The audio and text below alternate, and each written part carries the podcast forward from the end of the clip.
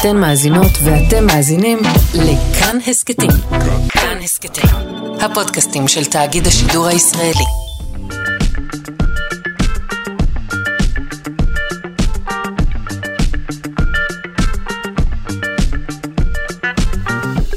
שלושה שיודעים. בוקר טוב לכם, מאזיני שלושה שיודעים, וואו, אביב של ממש, יום חם, יום קר. אה, קחו איתכם איזה סוודר. היום בתוכנית אה, פילי ים, ניאנדרטלים, המהפכה החקלאית, המהפכה הישראלית במוסיקה. בשעה השנייה נשאל כיצד ריח זיעה יכול לסייע בטיפול בחרדה חברתית. אה, ונמשיך עם בריאות הנפש, אבל הפעם ההשפעות של משבר האקלים על הנושא הזה. המפיקה שלנו הבוקר היא טל ניסן, העורכת אלכס לויקר, על הביצוע הטכני דימה קרנצוב, אני שרון קנטו, ואנחנו מתחילים.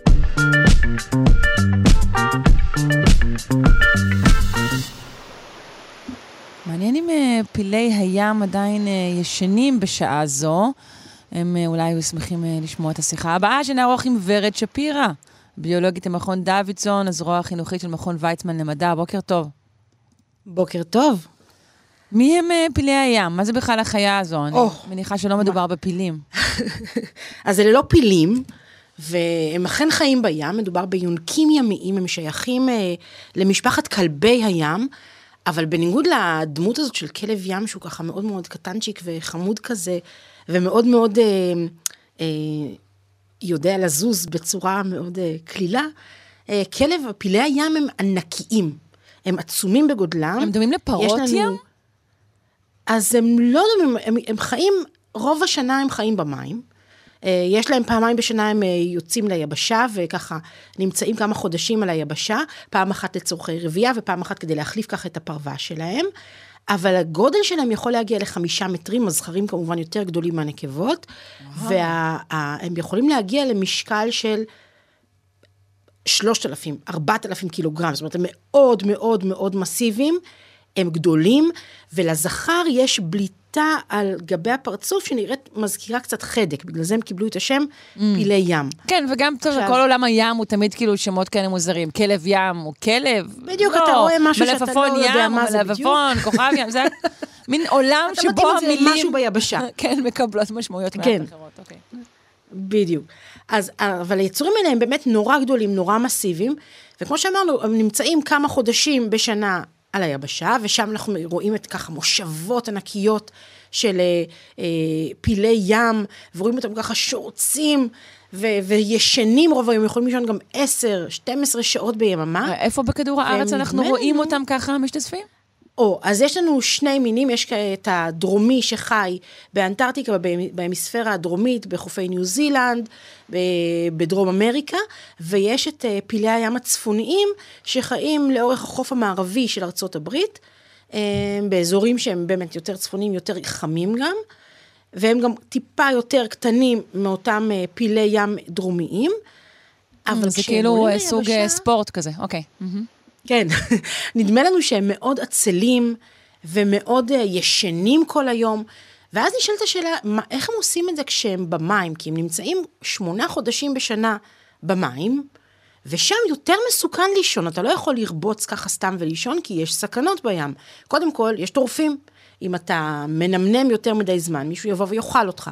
הבעיה השנייה, כשאתה יונק ימי, וכשאתה יונק, אתה צריך לנשום. כלומר, אם אתה תישן, אתה עלול לטבוע. ואז יש כאן שאלה מאוד מעניינת של, אז איך הם ישנים? עכשיו, חשוב להגיד שהם גם צוללים מאוד מאוד ספורטיביים ומאוד מאוד מרשימים. הם יכולים לצלול אה, לעומקים של מאות מטרים. יש עדויות לזה שהם מגיעים לעומק של 1,500 מטרים בצלילה, והם יכולים להיות כמעט שעתיים מתחת למים. כלומר, הם צריכים לעצור את הנשימה שלהם ולשרוד בצלילה כמעט שעתיים, משהו כמו 100-110 דקות, שזה המון זמן, והם עושים את זה בגלל שיש להם אה, גם מאגרים גדולים של דם, שאדם הרי לוקח את ה... קושר את החמצן ומספק את החמצן לרקמות השונות. יש להם צפיפות גבוהה של אה, תאי דם אדומים, ויש להם גם ריכוז גבוה של מיוגלובין בשרירים, שכל זה מאפשר להם לקשור הרבה חמצן, לקחת נשימה עמוקה בכל הגוף, לקשור המון חמצן ואז לצלול כמעט שעתיים. עכשיו, הם עושים את זה כדי לאכול, אבל מסתבר שהם עושים את זה גם כדי לישון. כלומר, המחקר שהתפרסם ממש בימים האחרונים הראה, אה, שאל את השאלה איך הם ישנים, ומה שהם עשו, הם לקחו קבוצה של פילי ים, והם שמו להם קסדות כאלה קטנות כמו כובעי ים עם מכשירי ניטור, שניטרו גם את אה, פעילות המוח וגם את קצב הלב וגם את התנועות, ושלחו אותם ככה לדרכם, וניטרו את התנועות ואת הפעילות הגופנית שלהם במשך חמישה ימים, וראו שמה שהם עושים זה שפעם בכמה זמן, במשך היום, בכמה פעמים, הם פשוט מתחילים לצלול, ובמהלך הצלילה הזאת הפעילות המוחית הולכת ויורדת, ולאט לאט הם אה, ככה נכנסים לשינה יותר עמוקה ומגיעים ממש למה שאנחנו קוראים שנת רם, כלומר שנת חלום. רגע, התהליך הזה של. כניסה איטית, זה אופייני ל... לכל בעלי החיים שנכנסים לשינות ארוכות? זה, זה ככה מין הרדמות שמתחילה אולי בשינה שמזכירה שינה רגילה, ואז זה עובר לשנת עומק? אז כן, אנחנו מכירים, אבל שנת רם אנחנו מכירים, אנחנו לא מכירים את זה בכל בעלי החיים, אנחנו מכירים את זה בציפורים, אנחנו מכירים את זה ביונקים, וגם לא בכל היונקים. Mm-hmm. עכשיו, גם חשוב להגיד שיונקים אחרים שאנחנו מכירים בים וכן בדקו את איך הם ישנים, למשל דולפינים או כלבי ים אחרים, אנחנו יודעים שהם יודעים לישון עם חצי מוח כל פעם. כלומר, זאת אסטרטגיה אחרת לגמרי, וכאן... מה זאת אומרת עם חצי מוח כל פעם? מה? או, או. אם אתה, אם אתה יונק, ואתה צריך לנשום, אבל אתה צריך גם לישון, ויש לך בעיה עם העניין הזה של אה, אה, לישון כי אתה בסכנה, אז יש אסטרטגיה שאנחנו מכירים אותה גם אצל חלק מהיונקים הימיים וגם אצל ציפורים נודדות למשל, שאתה יכול להשתיק חצי מוח פעם, כל פעם, לישון בחצי מוח, מה שאומר גם בחצי גוף, ולהשאיר את החצי השני ער. כלומר, אני מצליח עדיין לשחות, אני מצליח עדיין לנשום, אבל אני נותן מנוחה למוח שלי, ואני עושה את זה כל פעם בחצי אחר של המוח. ממש ככה. אה, לכאורה, כן. אבל נגיד, אה, בני אדם בתקופות שבהם הם לא היו ספונים אה, בשקט בחדרם, אולי גם כן הלכו לישון ככה רק חצי כוח, חצי מוח? אז חצי כוח, חצי מוח, אנחנו מכירים את זה, יש אפקט שנקרא אפקט הלילה הראשון, שזה בעצם השינה הזאת הלא ברורה שמשאירה אותך, שאתה מרגיש כאילו ישנת רק עם חצי מוח, כן. כי אתה בעצם רק חצי ער, אז זה משהו שאפשר, כשמדברים על השינה הזאת של חצי מוח, זה משהו שאנחנו יכולים להקביל אותו אצלנו בבני אדם, כשאתה ישן ואתה נתון בסכנה, או שאתה מרגיש לא בטוח במקום שבו אתה נמצא, זה מין שינה כזאת שהיא קלה יותר, שמשאירה אותך באמת חצי ער. אבל מסתבר שפעילי ים לא עושים את הטריק הזה. הם עושים את זה, איך הם כן נכנסים לשינה עמוקה, הם כן נכנסים לשנת חלום, אבל הם עושים את זה פשוט נורא מעט זמן, צוללים, צוללים, צוללים, צוללים, הפעילות המוחית הולכת ויורדת, ואז בשלב מסוים הם נכנסים באמת לשנת חלום, הפעילות המוחית באמת עולה בבת אחת, אבל הגוף משתתק, והם עושים מעין תנועה, מתחילים לעשות תנועה ספירלית בתוך המים, צוללים במעין ספירלה למטה, למטה, למטה, למטה, לפעמים אפילו ככה מגיעים אל הקרקעית, ואחרי כעשר דקות מוצאים את עצמם מתעוררים, יואי, לא מאמין, אני בקרקעית, האוקיינוסים האלה, וואו. וואו, יש פה קרקעית. חלמתי, חשבתי שחלמתי את זה, אבל יואו, לא, אני באמת פה. אוקיי. Okay. עכשיו, את זה הם עושים, יכולים לעשות כמה וכמה פעמים, יכולים להגיע לשעתיים שינה ביממה, שזה לא המון, אבל האיכות של השינה הזאת היא כנראה יותר טובה ומספיקה להם. והדבר הזה מאפשר להם לשרוד כשהם נמצאים בסכנה, הם עדיין נושמים, והם עדיין אה, אה, מצליחים אה, לישון ולחזק את עצמם. מה שתיארת כצלילה בתנועה ספירלית, זה פשוט... זה משהו שהוא הכרחי, הצורה שלנו מעצם זה שמשהו כל כך כבד צונח כלפי מטה מעדנות? או שזה גם, משהו מיוחד לפלאי הים? או, אז זה גם צונח למטה, אבל גם בצורה שבה הם צונחים למטה, כי הם עושים מין סיבוב כזה ונשכבים ככה על הגב, והגוף באמת משתתק, וזה יוצר את התנועה הספירלית הזאת. ומה שעוד יפה במחקר הזה, שבעצם הם גילו את, ה, את תבנית השינה של פילי הים, ממחקר שהם עשו על לא המון פרטים, כלומר הם לקחו אה, פילי ים וככה שמו להם את כל הציוד ובדקו את הדבר הזה, אבל אחרי שהייתה להם את ההתנהגות, הם הלכו למאגרים יותר גדולים של נתונים, שבנתונים האלה למעשה עשו רק ניטור של תנועה של פילי ים, ולא ידעו מה זה התנועה הזאת שהם עושים במים. עכשיו, לעומת המספר פרטים בודדים שעליהם עשו את, ה, את המחקר הנוכחי, במאגרי הנתונים יש אה, תיעודים של מאות פילי ים והתנועה שלהם ברחבי העולם, ואחרי שהייתה תבנית התנועה הזאת שמותאמת לתבנית המוחית ותבנית של קצב הלב, והראו שזאת שינה, הם הצליחו לראות כל מיני תבניות וכל מיני התנהגויות של פילי ים ברחבי העולם, וראו למשל שיש כאלה שמעדיפים אה, אה, כל היום ככה לעשות צלילות של חיפוש מזון, ורק, אה, ו, ו, ופעם בכמה זמן לעשות אה, אה, צלילה שהיא צלילת שינה של עשר דקות מרוכזת, ותיתן להם זמן שינה קצר מאוד, אבל רוב הזמן הם מחפשים מזון. לעומתם יש פילי ים אחרים, שהאסטרטגיה שלהם היא שונה, שהם צוללים עמוק יותר, לפעמים לעומק של אלף מטרים, מחפשים מזון בעומק, מוצאים יותר מזון, והרבה יותר שעות ביממה הם עושים צלילות שהן צלילות שינה. כלומר, אתה צריך לאזן ככה בין מה אתה מעדיף, האם אני צריך יותר שינה ואני אעשה צלילות יותר אה, קשות ואשיג מזון, או להפך, אני אעשה צלילות קלות לחיפוש מזון, אבל אני אשן ככה יותר, אה, פחות זמן. טוב, אני מרגישה שצריך אה, אה, פרק חדש בפנטזיה של דיסני אה, בשביל לתאר את הצלילה היפהפייה הזו של אה, פילי הים. ואני מודה לך מאוד, ורד שפירא, ביולוגית במכון דוידסון, הזרוע החינוכית של מכון ויצמן למדע. אה, יום טוב וערני, אני התחלתי מעט לנקר. גם לכם.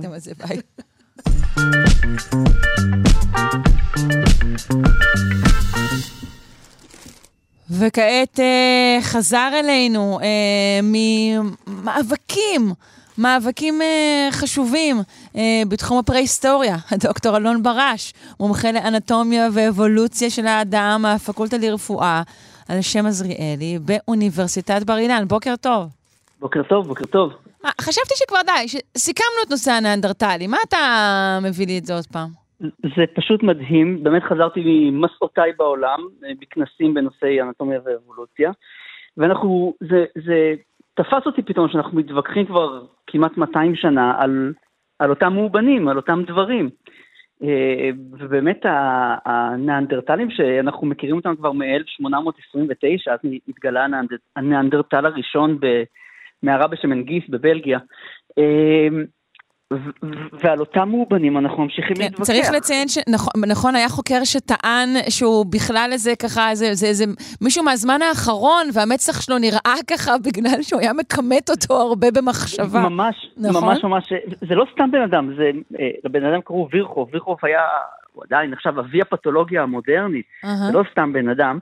והוא אמר שזה חייל פרוסי, אה, נכון, נכון. שבמלחמה הוא רכב הרבה על סוסים, ובגלל זה היה לו אגן מעובד, ממש סיפור. כן, וגם היה מוטרד מהמלחמה, והיה מכמת הרבה את מצחו, מכאן מבנה הגולגולת האקזוטי. ממש ככה, ובאמת אה, השלט שהוא דיבר עליו, השלט של הנאנדרטל המקורי שהתגלה ב-1859, אמ, אה, בעמק הניאנדר בגרמניה, ובאמת סיפור שלם, אבל זה שלד שכשהיום אנחנו מסתכלים עליו, ברור שזה ניאנדרטל. כן. אה, רגע, עמק הניאנדר, על, על שמו קוראים הניאנדרטלים. ממש כך, mm-hmm. ממש כך, ממש כך. עמק הניאנדר ליד, אה, ליד דיסלדורף בגרמניה, ובאמת, סך הכל מאובנים של ניאנדרטלים, כמה שאנחנו אוהבים לחקור אותם, אין לנו הרבה. שלד שלם של ניאנדרטל, יש רק אחד.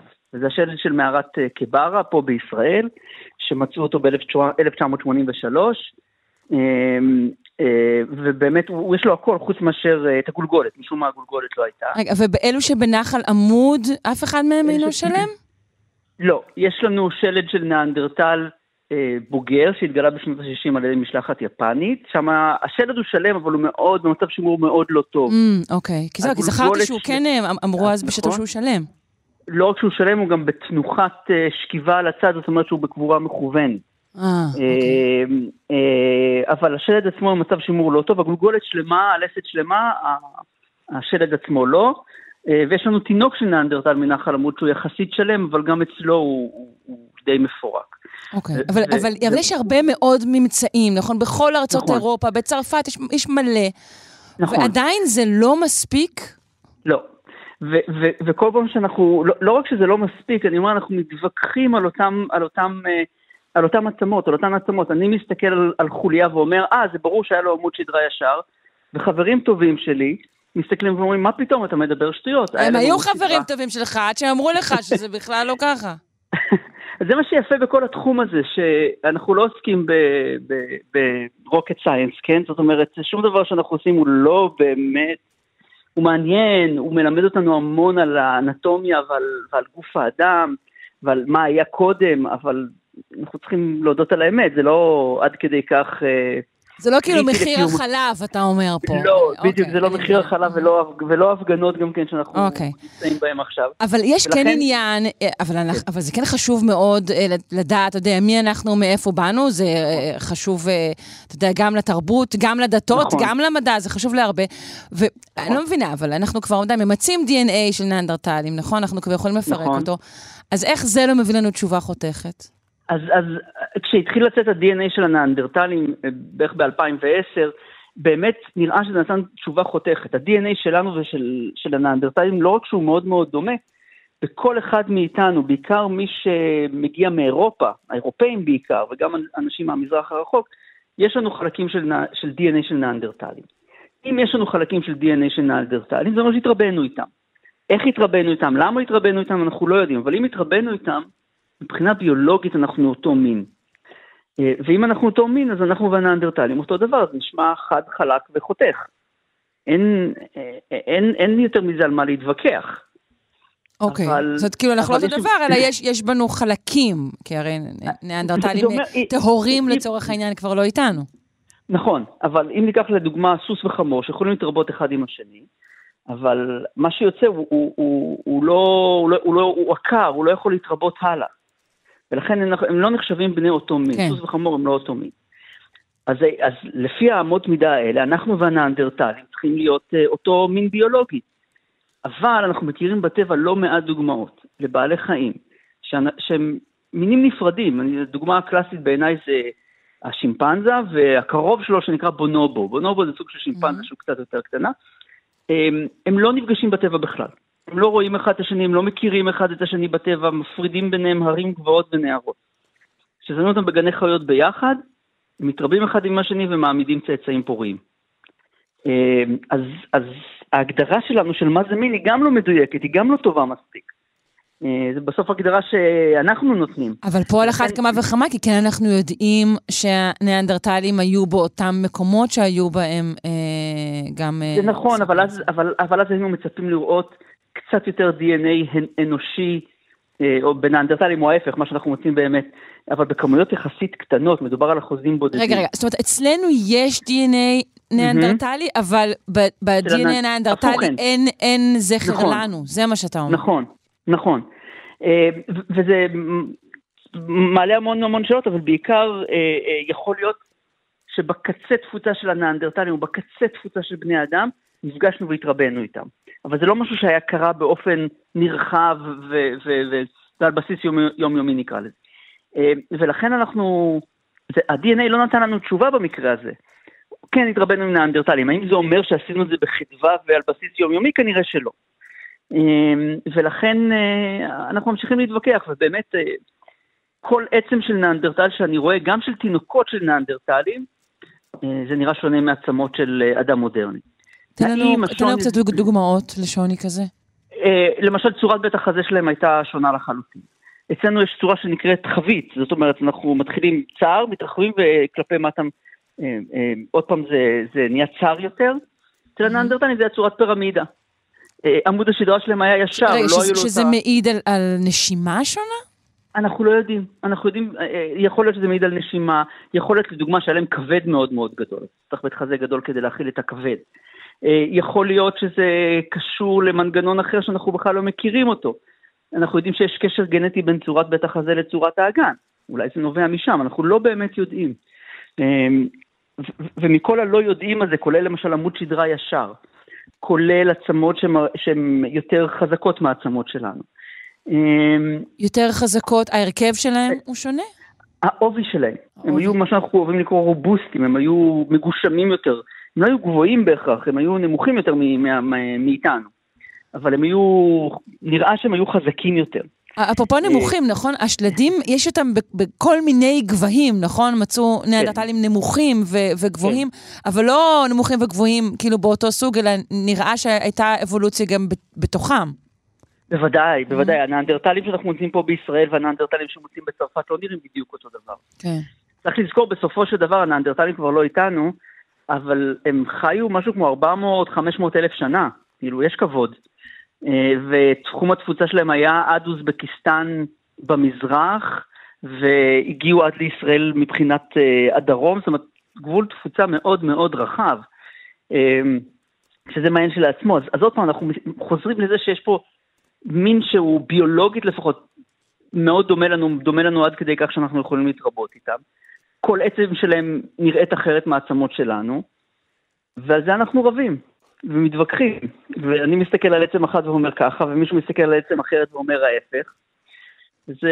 העיקר זה, שמסתכלים זה... על עצמות יחד בעיניי, זה, זה מה שיפה, ובסוף, זה מה שיפה. בסוף, דרך אגב, מגיע היום הערב בכנס, הולכים לשתות כל אחד משהו שזה קפה, בירה, לא יודע, אבל מסתכלים על אותם עצמות ומתווכחים, כטוב ליבנו בקפה או בבירה, ו...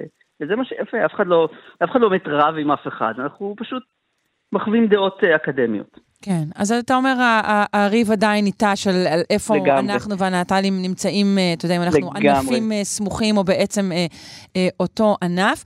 אני רק נכון. רוצה שוב אה, לזכור איתך את הפינה הזאת, שבשעתו באמת נהגנו אה, לבוז לניאנדרטל, וזה היה אפילו כינוי גנאי, נכון, למישהו כן. שהוא אה, פרימיטיבי. לגמרי. אבל הדעה הזו השתנתה לדעתי ממש בשנים האחרונות. אכן. מה היה המקור של, ה, של הדעה הראשונה בדבר הפרימיטיביות שלו, ומה גרם לשינוי הזה? אה, קודם כל, ברגע שמצאו אותו, באמת בגילויים הראשונים שחשבו שהוא אדם מודרני פחות או יותר, רק עתיק, אז הצורה של השד הייתה מאוד אה, גסה ופרימיטיבית, ולכן חשבו שהם היו אה, באמת פראיים כאלה, ברברים, דברים כאלה, ומשם זה יצא. Mm. והתמונה הלכה והשתנתה, ורק לציין, פה בישראל, כשאנחנו מוצאים מערה פרה-היסטורית, ואין בה עצמות, יש, יש בה רק את כלי האבן, אנחנו לא יכולים לדעת אם יש שם נאנדרטלים או בני אדם. כי בתקופה הזאת, שאנחנו קוראים לה התקופה המוסטרית, של בערך לפני 60, 70, 80 אלף שנה, אה, נאנדרטלים ובני אדם חיו פה בישראל וייצרו את אותה תרבות כלים. הם ייצרו בדיוק את אותם כלים. זאת אומרת שמבחינה אינטליגנטית לפחות, מבחינת האינטליגנציה שלהם, הם היו בדיוק כמונו. יכלו, ויכלו לייצר כלים, ואולי אפילו החלפנו מידע אחד עם השני. אז, אז, אז מבחינת היכולות שלהם, בוודאי שהיה להם יכולות בדיוק כמו שלנו. אה, זה, זה, זה, זה, זה סתם את הגולל על הוויכוח הזה של עד כמה הם היו חכמים או לא חכמים. כן. בהנחה שלא יימצאו שרידים נוספים. חס וחלילה. בהנחה, רק בהנחה. האם עדיין יש אה, סיכוי שהדיון הזה יוכרע יוכרע לא, יימשך בוודאי, רק מהכנס האחרון הזה שהייתי בו, רשמתי לעצמי לפחות עוד אה, אה, ארבעה-חמישה רעיונות של מחקרים נוספים על הנאנדרטלים כדי לראות איפה אנחנו עומדים בעניין הזה. זה מה שיפה, באמת, הכל, אה, הכל ממשיך. טוב, אה, נשמח לשמוע על אה, אה, גילויים או מחשבות חדשות בנושא הזה. אני מודה לך, דוקטור אלון ברש, מומחה לאנטומיה ואבולוציה של האדם מהפקולטה לרפואה על שם עזריאלי באוניברסיטת בר אילן. שלום. שלום, שלום.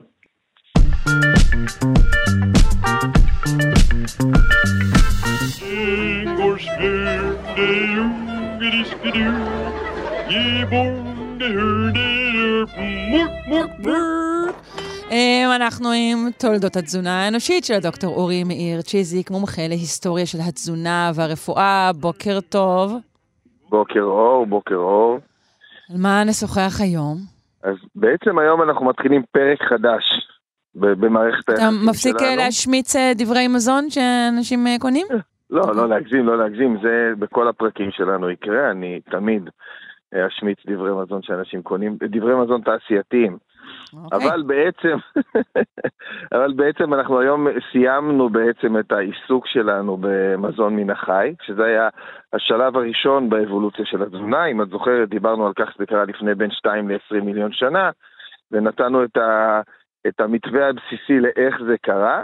ואנחנו עוברים לשלב השני באבולוציה של התזונה האנושית, השלב השני המשמעותי, שהוא מאוד מעניין, וגם לו לא אנחנו נקדיש אה, מספר אה, אה, פינות רב, וזו המהפכה החקלאית. אוקיי, שנית... מהפכה חקלאית. כן. נכון, כן. ששנים אמרתי, וואי, בואנה, איזה אדיר, המהפכה החקלאית, אבל ב... בזמן האחרון, אולי לא בזמן האחרון, אלא רק עבור מי שלא היה מצוי בעניינים, הבנתי שלא רק דבש הייתה המהפכה החקלאית הזו. לא, לא. שבעצם, נכון, מעצם זה שפתאום, אתה יודע, בכלל התיישבנו, רכוש פרטי. אומרים שבכלל אה, הרבה מהאלימות שאנחנו מציינים היום כאלימות אנושית, אה, בעצם התחילה בשלב הזה. נכון, אז זה באמת משהו מאוד מעניין, אבל אולי לפני שנשאל את השאלה לגבי האם המהפכה החקלאית בכלל הייתה מהלך נכון או לא נכון, שזו שאלה סופר מעניינת. ש... שואלים באמת, אה, אותנו את השאלה הזו כמובן. חברים, תגידו, זה היה נכון או לא נכון? בדיוק, בדיוק. אז לפני שנשאל את השאלה הזאת, בואי רק נגיד משהו על הפרטים כלליים, כן. שתהיה לנו שפה משותפת איך זה קרה? החקלאית. איפה? אז, אז, אז דבר ראשון צריך להגיד שהמהפכה החקלאית הייתה תהליך מורכב, היא לא... אנחנו, את יודעת, אומרים לנו מהפכה, אז אנחנו חושבים שיום אחד מישהו קם בבוקר והחליט לעשות חקלאות. אז זה לא קרה ככה, זה היה תהליך שלקח עשרות אלפי שנים של התפתחות, וגם עוד דבר מעניין להגיד, אנחנו אומרים, את יודעת, אומרים בערך עשרת אלפים, חמש עשרה אלף שנה, אבל צריך להגיד שהדבר העיקרי שהתרחש במהפכה החקלאית זה לא החקלאות. שזה מדהים, כי קוראים לה המהפכה החקלאית. הדבר העיקרי שקרה במהפכה החקלאית, שבעצם הוביל לחקלאות, השינוי העיקרי שלנו מבחינה גם חברתית וגם שהשפיע אחר כך על התזונה שלנו, זה העובדה שהתחלנו לאגור את המזון שלנו. כן. בעצם, בעצם הפכנו, בתהליך הדרגתי, כמו שאני אומר, מלקטים ציידים של החזר מיידי, כאלו ש... מה זה החזר מיידי? כאלו שמלקטים ואוכלים, או צדים ואוכלים, לא אוגרים את המזון שלהם. התחלנו בכל מיני מקומות בעולם, בכל מיני אה, אה, זמנים, לאגור את המזון שלנו. ואני חושבת שזה, וההגירה- כששוחחנו בשעתו, זהו, אני חושבת שדיברנו על זה שזה בעצם אולי, אפשר לומר, מעבר מתפיסה אה, מרחבית של הקיום לתפיסה של זמן. נכון, נכון, נכון. אנחנו בעצם התחלנו אה, אה, את, מקבוצות קטנות שמסתובבות ומלקטות את, ה, אה, את האוכל שלהם לקבוצות שאוגרות, ואז זה מה שהוביל בסופו של דבר לחקלאות. כן. במקום שזה היה אוכל כאן, אוכל. שם, אוכל עכשיו, אוכל אחר כך, אם אני יכולה. לשרטט את, ה, את הציר הזה. אה, בדיוק. אז שנייה, זה היה שינוי ראשון אוקיי. משמעותי. אה, אמרנו, החזר מיידי, הגירה, והתחלנו לעשות חקלאות כי רצינו לאגור מזון וזה היה מאוד יעיל. והעניין, הש... השינוי המשמעותי השני שעוד נדבר עליו בהמשך גם, ונפרט עליו, זה השינוי התזונתי, שעברנו מתזונה של לקטים ציידים, שאכלו אוכל טרי, ירקות, פירות, עלים, שורשים, אגוזים, אה, בשר שצדנו וכולי, לתזונה שמבוססת על זרעים יבשים. אבל גם פה, אה, חלק מהשינוי, תקן אותי אם אני טועה, זה שציידים לקטים גם אוכלים מה שיש ולא אוכלים מה שאין, לעומת ברגע שאתה מתחיל לאגור, אז גם הדבר הזה, בדיוק. כל, נכון, כל נכון. הגוף שלך בעצם... אתה תלוי, אתה תלוי בתזונה שהיא מאוד מאוד שונה, והיא מאוד מאוד אה, מה, ש, מה, ש, מה שאגרת, לא מה שיש בשטח ב- באותה תקופה. כן, אבל זה גם, גם מאפשר לתכנן באיזשהו אופן גם דברים שהם, שהם פיזיים לחלוטין, אולי, אתה יודע, שעות המזון שלך, כל הדבר הזה אה, משתנה. אלו שאלות מאוד מאוד, שוב פעם אני אומר, זו שאלה מאוד מאוד מעניינת, והיא קשורה באמת לכל התהליכים שנדבר עליהם, שקשורים אה, למהפכה החקלאית. כן. איך השפיע עלינו גם המהלך הזה של לאגור את המזון, מבחינה חברתית, כלכלית, ואיך השפיע עלינו הצריכה של הזרעים היבשים, חיטה, שעורה, חומוס, אורז וכולי, מבחינה אה, תזונתית. ועכשיו אנחנו חוזרים לשאלה, האם בעצם, זה ככה אני פותח, כשאני מדבר על המהפכה החקלאית ומלמד אותה, אני תמיד שואל את הסטודנטים, אז מה אתם אומרים, האם המהפכה החקלאית הייתה צעד נבון? עכשיו, אני לא שואל את זה סתם, אני כמובן מבקש מהם להגיד לי למה. אוקיי. ואז יש כל מיני כן. תשובות, תשובות מדהימות, אנשים אומרים, אנחנו, המהפכה החקלאית טובה כי אנחנו עובדים פחות קשה. כי אנחנו אוכלים אוכל יותר מגוון עכשיו. כי אנחנו אה, פחות אה, פגיעים. כי אה, יש המון המון המון המון תשובות שאנשים נותנים, אם תשאלי ככה, תעשי סקר רחוב, כי חינכו אותנו, אמרו לנו, מהפכה חקלאית. עכשיו, התשובה דרך אגב הנפוצה ביותר, היא שהמהפכה החקלאית הביאה לנו את הביטחון התזונתי. אני עכשיו. שומעת בין השיטין שאולי אתה כופר בחלק מהאמירות כן, הברורות אז, הללו. אז, אז אני אגיד שאני בהחלט כופר בכל האמירות האלו, אוקיי. ובעצם אנחנו, אנחנו יודעים היום שאנחנו, זה מאוד מורכב, זאת אומרת התשובות הן מאוד מורכבות, אין פה תשובות אה, חד, אה, חד משמעיות. כמו שלימדו אותנו, את יודעת, בבית ספר כשהיינו ילדים, שמהפכה חקלאית עשתה לנו כל כך טוב, וזה לא בדיוק נכון. יש פה, כל הטענות שלנו הן טענות, טענות כנראה לא כל כך אה, נכונות, שצריך להגיד, אנחנו אוכלים הרבה פחות מגוון מלפני המהפכה החקלאית. אנחנו אה, עובדים הרבה יותר קשה מלפני המהפכה החקלאית. אה, והכי חשוב, ואולי אה, נושא שנתעסק בו במספר אה, שיחות שלנו, זה שהמהפכה החקלאית היא לא זו שיצרה את הביטחון התזונתי. להפך. להפך אתה אומר, אוקיי. היא זו שיצרה את חוסר הביטחון התזונתי. אבל אנחנו כן יודעים ש...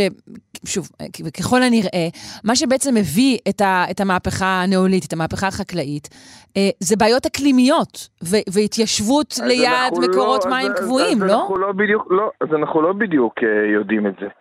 אנחנו, זה, זה לא דבר שהוא כל כך אה, ברור. השאלה אז מה הביא לזה? המהפכה- למה? למה זה קרה? כמו, כמו ברעיון לשיטתך. הקודם שלך עם, ה, כן. עם החוקר הקודם, גם המהפכה החקלאית, אה, אנחנו לא, יש ויכוחים מאוד מאוד גדולים בין החוקרים שחוקרים את הנושא לגבי השאלה למה היא התרחשה ואיך היא התרחשה. עכשיו, אני לא מומחה ל- לארכיאולוגיה הפרה-היסטורית. הוויכוחים האלה מתקיימים, ובעצם מה שמעניין אותי, בתור חוקר של ההתפתחות של התזונה שלנו והחברה שלנו, זה מה ההשפעות של המהפכה החקלאית ומה אנחנו יכולים ללמוד ממנה. ולכן אני שואל את השאלה, מה זה, מה זה עשה לנו? איך זה השפיע עלינו?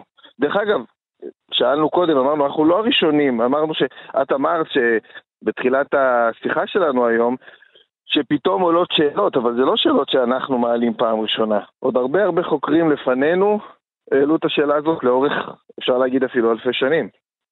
את יודעת, יש אה, אפילו בספר דון קישוט, לא יודע אם קראת אותו, כן. יש פרק שנקרא, שבו דון קישוט אה, פוגש אה, רועי עיזים. ויש לו נאום שם שהוא נואם מתחת לאיזה עץ אלון, אם אה, המאזינים יחזרו לספר הזה, שנקרא נאום הבלוטים. שבו הוא אה. מפאר ואומר, אה, איזה תקופה זו הייתה לפני המהפכה החקלאית, לא היה צריך אז להגן על נסיכות, ויש לו שם נאום מדהים שמסביר את ה... שאתה לוקח אותו כפשוטו, אה. אבל אתה לוקח אותו לא. כפשוטו, אוקיי. אני לוקח. אותו במורכבותו, במורכבותו. ודרך אגב, יש עוד סיפור שאנחנו מכירים שעוסק במהפכה החקלאית, בטח קראת אותו, ספר ושמו אה, בראשית. אה, שבספר, כן, זה ספר ידוע, ששם יש שני חבר'ה, אדם וחווה, שהם לקטים. יש להם הכל, כל מה שהם צריכים. הם רק שולחים את היד ולוקחים אה, את האוכל שלהם. נו, אז זה מתיישב בדיוק עם התיאוריה הנפוצה, שברגע שלא ניתן היה להושיט את היד, כלומר, ברגע שהיה משבר לא, אבל מה אקלימי... הסיפור, אבל הסיפור, הסיפור בספר בראשית לא אומר שהיה משבר אקלימי. הסיפור בספר בראשית אומר שקיבלנו עונש. זאת אומרת, כבר מי שכתב את הספר, לא ניכנס לשאלה מי כתב את הספר כרגע, לא, גם לא ניכנס לשאלה לא, ברור. הדיון של שכר ועונש הוא דיון היסטורי או שנועד לשרת מנגנוני שליטה. מבין שהייתה טעות, והדרך היחידה להסביר את הטעות הזאת זה שקיבלנו עונש. זה בסדר. חומר למחשבה. חומר למחשבה. בכל מקרה, אנחנו ט- מתחילים תפוח, היום... תפוח למחשבה. אנחנו מתחילים את, ה, את הפינות שיעסקו במהפכה החקלאית אה. בפן התזונאי, התזונתי שלה, נכון? אה, מה אוכלים, איך אוכלים. ופן אה, קצת אה, חברתי-כלכלי, כי אנחנו נתעסק באיך זה השפיע על המבנה של כלכלת המזון שלנו, ביטחון תזונתי ונושאים אה, דומים. בסדר גמור. אני כבר אה, מתחילה להנביט אה, לקראת הפינות הבאות שלנו. דוקטור אורי. מאיר צ'יזיק, מומחה להיסטוריה של התזונה והרפואה, תודה רבה. תודה לך להתראות.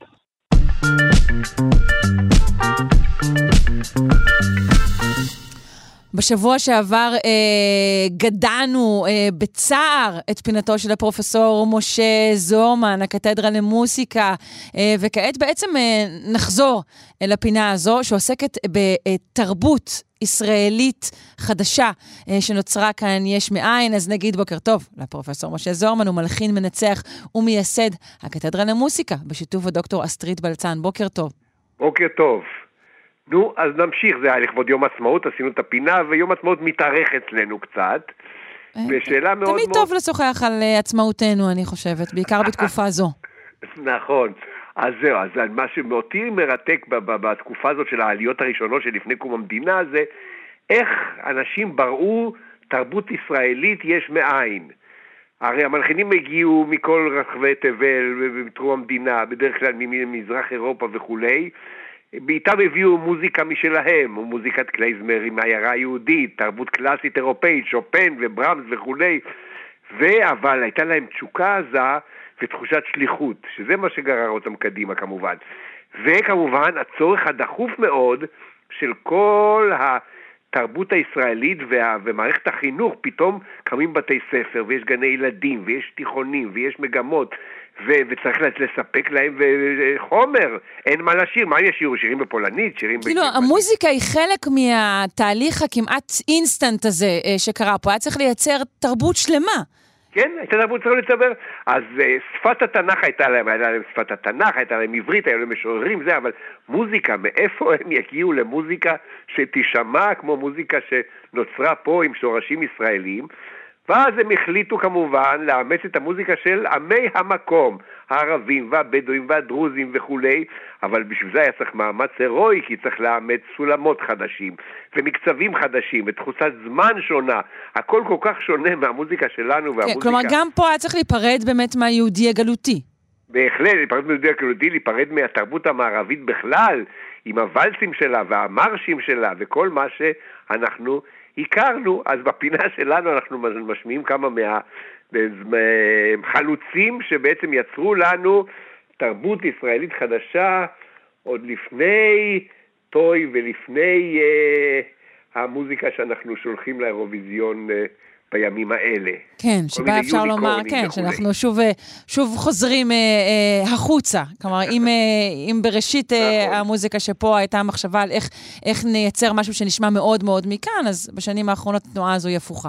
וזה המאבק שכמובן נמשך כל הזמן, מה מקומי, מה בינלאומי, מה לוקאלי, מה אוניברסלי, כן. זה מאבקים שימשיכו איתנו תמיד. כן, כן. אז... עד, ל, עד, ל, עד למין האנושי שיתאחד כולו לכלל אה, מין אחד, ואז כן. יפגוש כן. את, ה, את החייזרים, ויהיה בסדר. אוקיי.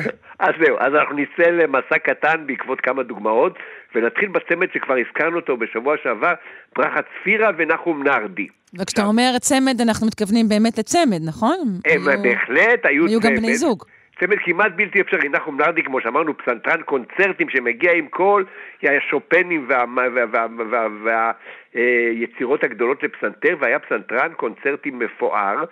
פוגש את ברכה צפירה שהיא יתומה ירושלמית, בת תימן, התחנכה בכפר הנוער שפיה, מגיעה לתל אביב, ופתאום הופכת לעצמה, מסדרת לעצמה משימת חיים, לקחת את המלחין נחום נרדי ועוד כמה מלחינים בדרך, ולבנות איתם ביחד מוזיקה שתישמע כאן ועכשיו, ומאמינה בהם שהידע שלהם, האדיר במוזיקה, ישמש אותה לצורך הפרויקט שלה.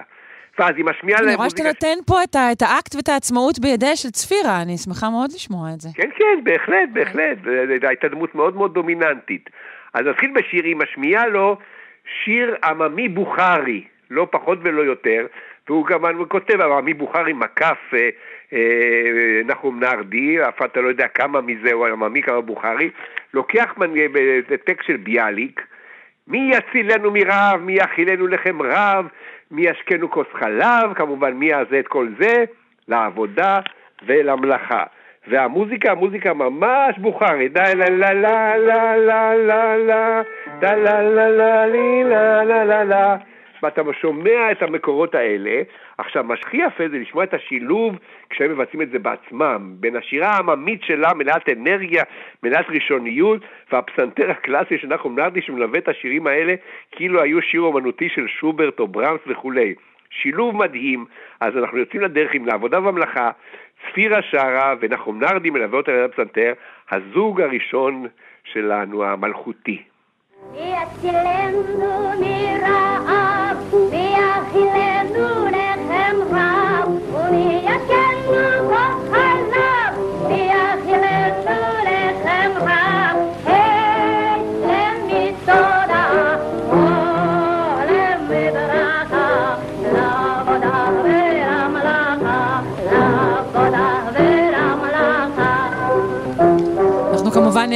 מקדישים אה, שיר זה לפועלים שיציינו מחר את האחד במאי. בסדר, אם נותרו עוד כאלה בארצנו. נותרו, נותרו, יש אה. תחייה אדירה של האחד במאי. בסדר. או למי תודה לברכה על העבודה ולמלאכה, ומעניין, ואני מקווה שגם יהיה כמה פועלים עבריים בתוך האנשים שבונים לנו את הארץ. כן. בכל מקרה, נמשיך הלאה. אז כמו שאמרתי, מערכת החינוך היא זאת שיצרה את זה. אז דוגמה, השיר הבא, מה יפים הלילות בכנען. המילים הם מיצחק שנהר, והוא כותב את זה עבור מסכת של תלמידי תיכון על מכירת יוסף לישמעאלים. מה יפים הלילות בכנען, צוננים יבואו בהירים, והדממה בו תשיר, יען לליבי בשיר, היללתני מנוגה, תחצה דמי הליל. מאוד מאוד אה, מקומי כזה. עכשיו, התלמידים עומדים ואומרים, נו בסדר, אנחנו צריכים למצוא איזה מנגינה, והתלמידים עצמם, ולכן הטקסט הזה מולחן בלחן ערבי שאין לו בעלות, מה שקרוי. אבל יש לו את כל התכונות הטובות שאנחנו מבקשים ממוזיקה, מה שקרוי אה, כנענית. יש לו את התחושה הזאת של החופש של המדבר, מה יפים הלילות בכנען. אין פעמה, אין משקל, יש לנו רק את התחושה הזו שזה מוואל שנשמע כמו איזה רועה בדואי ששר במדבר, צוננים הם ובהירים. כן. אבל, אבל יש גם את... בעודנו אה, מפחיתים את מספרם של הרועים, אנחנו מתענגים על הפיוט הזה, כמובן. כן, אבל רצוי מאוד גם שתמיד יהיה איזה פזמון עם איזה אפשרות לקצב מאוד מאוד מקומי. ילדת נמנוגה, תחזה דמי הליל. ומיד אתה שומע את הדרבוקות ברקע, והנה יש לנו זמר עברי. יצחק שנהר והתלמידים של התיכון שבו הוא לימד, יוצרים ביחד את מה יפים הלילות בכנען. נשמע את זה בביצוע אנסמבל מזרח-מערב עם המנצח תום כהן. אה, ביצוע חדש, אוקיי. כן, כן, וקבוצת זמרים.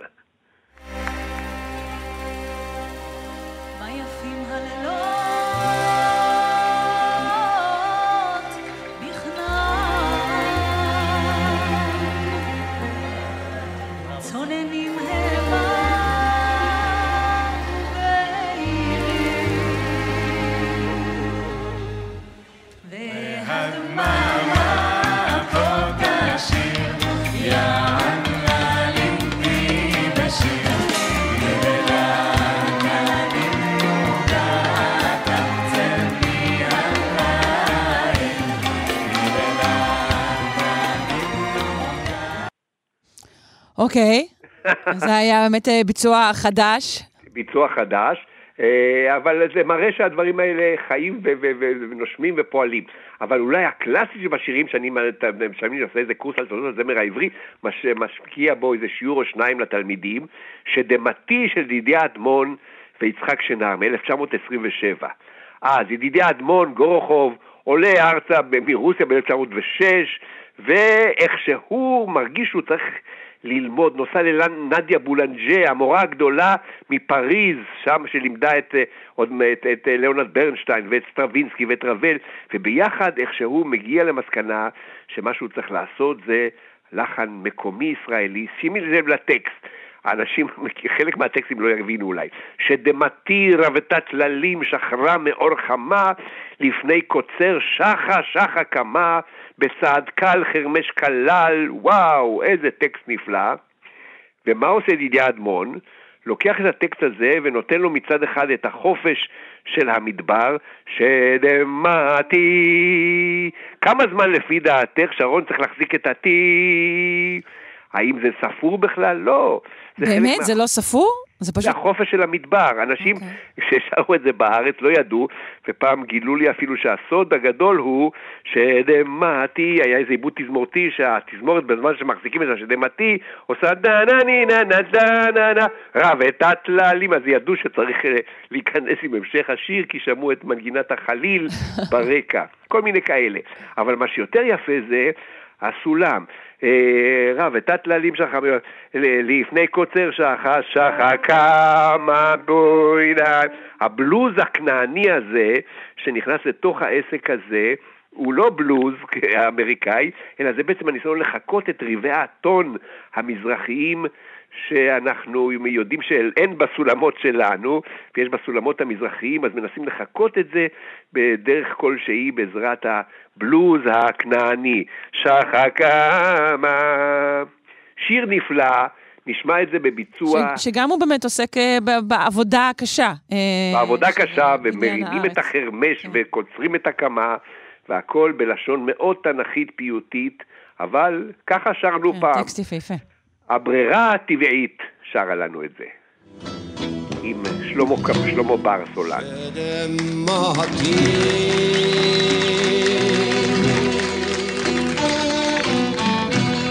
עם שחר זרעתי בדמעה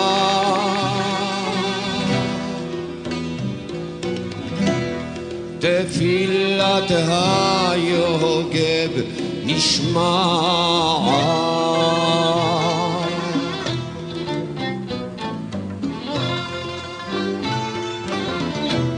שדמעתי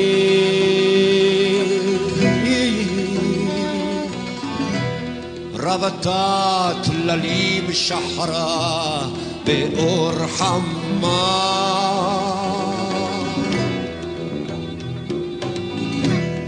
לפני קוצר שחה כמה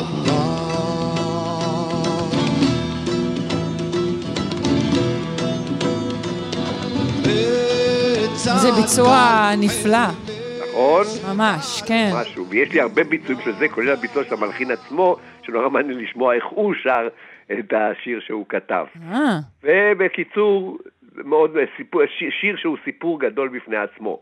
אבל אנחנו ממשיכים במסע שלנו, ומגיעים לדמות מאוד מאוד יוצאת דופן, ששמה עמנואל זמיר. הראשון מבין המלחינים שאנחנו מרגישים היום, שהוא יליד הארץ, נולד ב-1925 בפתח תקווה, ועמנואל זמיר הוא בעצם הטרובדור העברי הראשון, הוא היה משוטט בארץ עם החליל שלו, מקים בכל מקום שהוא מגיע איזה מקהלה קטנה, תזמורת חובבים וכולי, ומלמד אותם את שירת הארץ, אבל יותר מכל הוא מושפע מהריקודים של הדבקה הדרוזית, אותה הוא מכיר בצפון הארץ, דבקה ריקוד עממי של גברים דרוזים ששרים אותה לצילי קצב מאוד חזק ומדליק, אולי אתם מכירים את הריקוד הזה. בקיצור, והוא כותב דבקות ישראליות מדליקות. הדבקה הראשונה שאני רוצה להשמיע לכם זה דבקת החמור. זה סיפור שהוא שומע באחד היישובים הדרוזים על חמור פלאי שיודע ללכת ולמלא את המשימות בלי עזרת הרוכב שלו. ידע שור קונהו וחמור ידע זה אבוס כבר ראשית עידן העצלות והקומבינה? אני לא מבינה, זהו, החמור יעשה את זה? זה החמור היה עושה את זה. אז כמובן, הגדולה של אה, עמנואל זמיר, שהוא גם כותב את הטקסט, גם המוזיקה, לוקח פסוקים מהתנ"ך, ידע שור קונהו וחמור אבוז בעליו, זה כמובן טקסט מהמקורות, ומספר על איזה חמור, אבל אל תשמעו ידידיי לשמוע אגדה על חלום, חלום מאולף. ואז כשהוא מגיע לדבר על החלום, אז הוא מתחיל לעבור לערבית. גלו ללחמר לי ויין, גל ילחלפל יליל אין. זאת אומרת, שאלו את החמור לאן הוא הולך, והוא אומר לי, לחטוב עצים ולשאוב מים. עכשיו, לצורך זה כמובן, הוא לוקח גם מנגינה בדואית שהוא כתב. גלו ללחמר לי ויין גל גל ילחמתת גל אין, גלו ללחמר לי ויין גל גל ילחמתת דן אין. אז השילוב הזה של אפילו טקסט בערבית, ביחד עם המנגינה ועם הקצב של הדרוזים, נותן לנו מנגינה נפלאה, וכששרים את זה, הצמד רם ונמה, הכי ישראלים שבעולם, אה, נמה זה נחמה הנדל כמובן, שהיה. מהצמדים האלה המאוד פופולריים בארץ בשנות ה-60 וה-50, זה פתאום נשמע הכי ישראלי שבעולם. אז הנה החמור המאולף של עמנואל זמיר, ששר גם בעברית וגם בערבית, והופך להיות הכי ישראלי שבעולם. ידע שור קונהו וחמור וגם בחמור ידע, בחמור אבוס בחלב, על כן נולד את שמו ידידה לשם האגדה, על חמור חמור מעולב. قالوا للخمار لو ان قال الخطب يا للعين قالوا للخمار لو ان قال الخطب אה, לפני המצאת הניכוס התרבותי. אה, אנחנו צריכים אה, לחתור לסיום, הבאת לנו עוד דבקה אחת אחרונה, יאללה, עוד נכון? דבקה אחת, דבקה שנקראת דבקה רפיח. לא שהיא נעשתה ברפיח, אלא היא התפרסמה ברפיח, שם היו השבויים, היה מחנה המעצר בריטי של השבויים אה, מהמחנו, מה, אה, מהעבריים וכולי, והוא כותב את הטקסט, לי יומי ולי לי, ובוקרי לי, ותמולי לי, וערבי לי, זאת אומרת, בוא. השלשול הזה. וכשיהודית רביץ שרה את השיר הזה, פתאום דבקה רפיח של עמנואל זמיר נשמעת הדבר הישראלי, התשובה הישראלית האולטימטיבית לאיך צריך להישמע שיר עברי בארץ ישראל. תודה רבה לפרופסור משה זורמן. אה. ניפרד עם כמה צלילים מדבקה רפיח.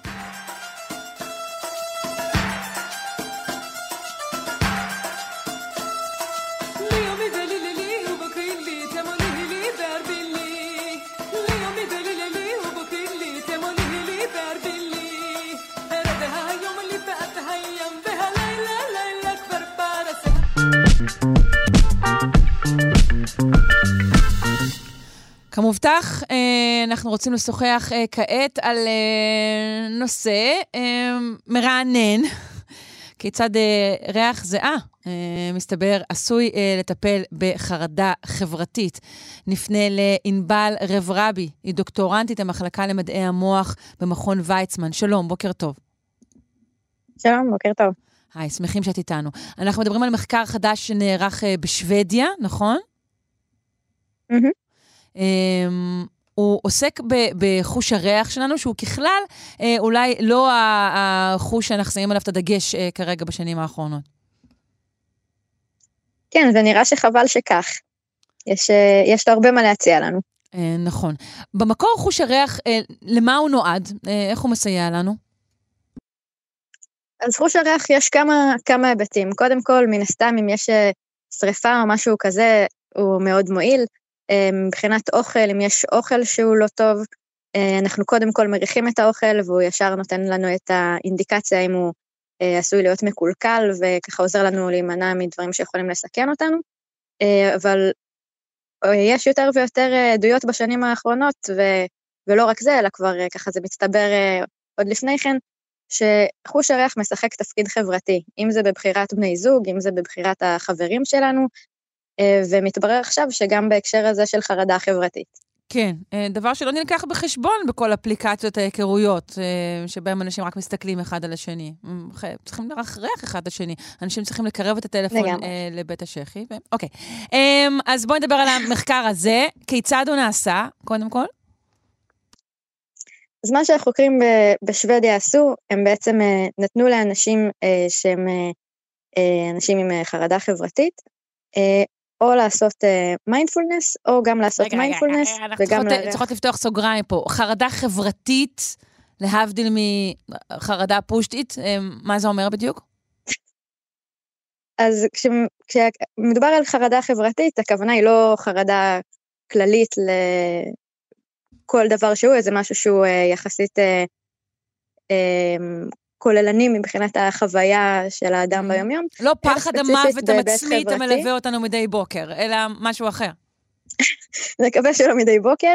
אה, כן, הסיטואציה הזו שרוצים אה, רוצים להיות אה, באינטראקציה חברתית, אבל מאוד מפחדים לגשת, או שלא מרגישים חלק, לא, לא יודעים איך להתמודד עם האינטראקציה הזו, ובעצם ככה הרבה פעמים נמנעים מאינטראקציות חברתיות בגלל הקושי להתמודד עם המפגש החברתי הזה. כן, זה אנשים שגם מתקשים, נגיד, לדבר בציבור, זה לא אה, אלה שישר אומרים, טוב, אני אעשה לכם מצגת, נכון? זה ממש אה, קשה. נכון, אבל מדובר פה לא על פחד קהל, שזה קצת יותר מה שאת מדברת עליו עכשיו, אלא ממש על, על אינטראקציות ביומיום. Mm, אוקיי, נגיד, אה, אוקיי. לבוא ולדבר עכשיו עם אנשים חדשים, אם נמצאים באיזה מפגש חברתי, אז, אז ליזום את האינטראקציות, אם פתאום פונים אל אדם עם, עם חרדה חברתית, אז הוא יכול מאוד להיבהל, לא תמיד לדעת מה לענות, אה, איזו תחושה כזה של אה, מה, מה עושים עכשיו. Mm, אוקיי, אוקיי. אז, אז, אז האנשים האלו אה, אה, ביקשו לבחון. למעשה, אני חושבת שבמחקר הזה גויסו נשים. כן, אז מה שעשו בעצם, אה, רצו לבדוק האם מעבר ל, אה, להשפעה של מיינדפולנס, אה, השפעה של אה, זיעה, של ריח גוף, אה, תשפיע. ובשביל לבדוק את זה, מה שהם עשו, הם בעצם אה, אספו מאנשים שראו סרטים זיעה, כשראו כמה סוגים של סרטים. חלק ראו סרטים שגורמים אה, ממש לתחושת עושר, אחרים ראו סרטים שגורמים לתחושת פחד למשל, ורצו לבדוק האם זיעה שהיא בעצם אה, זיעת פחד או זיעה של עושר. אמ, רגע, לפני שאנחנו מגיעים לזה שמביאים את הזיעה הזו ללוקות בחרדה חברתית, את אומרת לי שכשאני רואה סדרה או סרט מסוג מסוים, אני מפרישה זיעה שאולי ניחוחה אחר, אה, מאשר כשאני רואה סרט אימה נגיד, או דברים כאלה? כן, אז זה, זה מה שהם רצו לבדוק. בעצם, אה, לנו בני אדם יש דבר שנקרא כימוסיגנלים, שזה כמו פרומונים בבני אדם, זה בעצם אה, מולקולות, ב, מולקולות ריח שמופרשות במצבים שונים של, אה, של רגש, כשאנחנו שמחים, כשאנחנו מפחדים, אה, כל מיני מצבים, והן עשויות להשפיע חברתית באופן לא מודע על אנשים אחרים. ואנחנו יכולות להניח שבמקור, מה, מה הסיבה לכך אה, שאנחנו מפרישים ריחות שונים אל מול אה, אימה ואל מול שמחה? זה כדי לסמן אולי משהו ל, ל, לבני אדם אחרים? כן, אז זה ממש תקשורת חברתית אה, לא מילולית ולא מודעת, שהיא ממש קורית שם ככה כל הזמן מתחת לפני השטח. בעצם, אם את עכשיו עומדת ליד מישהי שמאוד מאוד מפחדת באותו רגע, את מפרישה מהגוף שלך ממש חומרים שהם קשורים לחוויה שלך של הפחד, ומי שעומדת לידך תריח אותם, ובעצם באופן לא מודע היא תקבל מידע על זה שאת מפחדת. עכשיו, okay. אוקיי. נניח, אה, את יודעת, נדבר על אה, תקופות אחרות ומקומות אחרים, נגיד שבדיוק ראית אריה ואת קופאת במקום בפחד. זה מסמל לנו איזשהו משהו ברמה הלא מודעת של, אוקיי, יש פה משהו להיזהר ממנו, צריך okay, לשים לב. נשמע קצת פחות יעיל מאשר לצעוק, אריה! אבל אה, בסדר, גם, גם ריח רוח זה משהו טוב.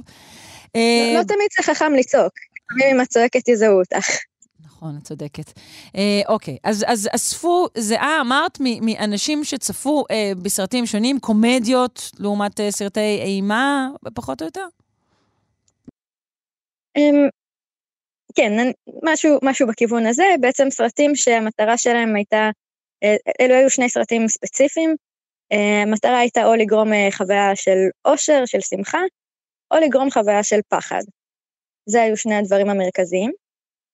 ומה שהם רצו לבדוק זה בעצם האם החוויות השונות האלה שמשפיעות על ריח הגוף שאנשים מייצרים, האם זה ישפיע בצורה שונה על האופן שבו אנשים עם חרדה חברתית יגיבו כשהם מריחים את, אה, את ריח הגוף הזה. אוקיי, ומה יצא? אז מה שיצא, להפתעת החוקרים, זה שבעצם ב, בשני המקרים, גם כשהעריכו ריח גוף של פחד וגם כשהעריכו ריח גוף של אושר, אה, זה בעצם עזר לאנשים עם החרדה החברתית אה, והוריד את החרדה החברתית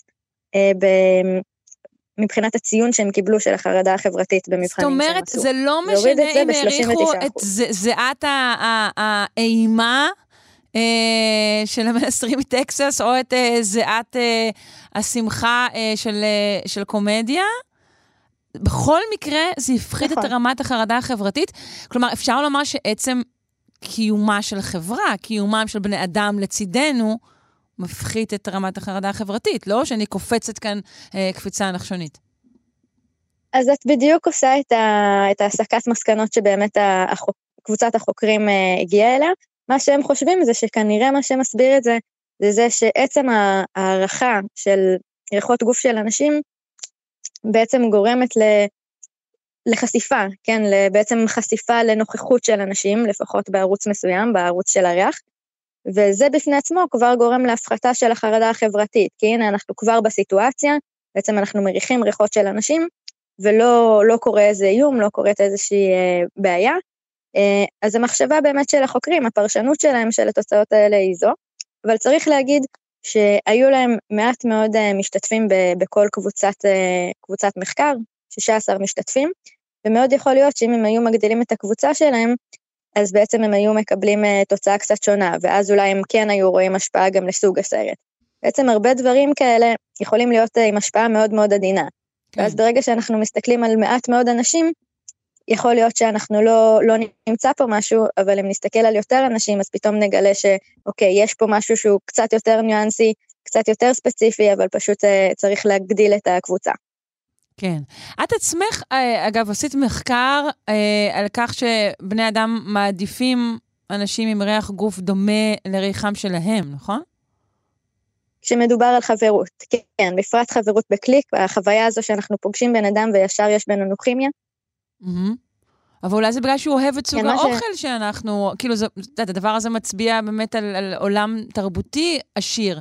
זה לא ספציפית, כאילו, ריח הגוף, אלא משהו מעיד, נכון?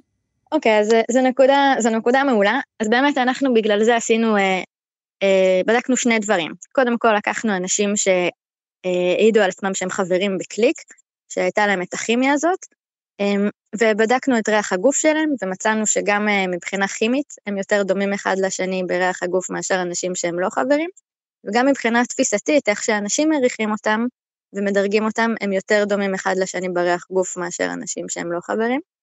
וכדי לבדוק את מה שאת אומרת, האם יכול להיות שזה קשור לזה שהם באותה סביבה, אוכלים אותו אוכל, נמצאים במקומות שפשוט מריחים דומה, כן. אמ, עשינו ניסוי נוסף, שבו רצינו לבדוק האם בעזרת דמיון בריח הגוף בלבד, אנחנו יכולים לנבא את החוויה הזאת של קליק עתידי, של החברות הזו שקורית ברגע.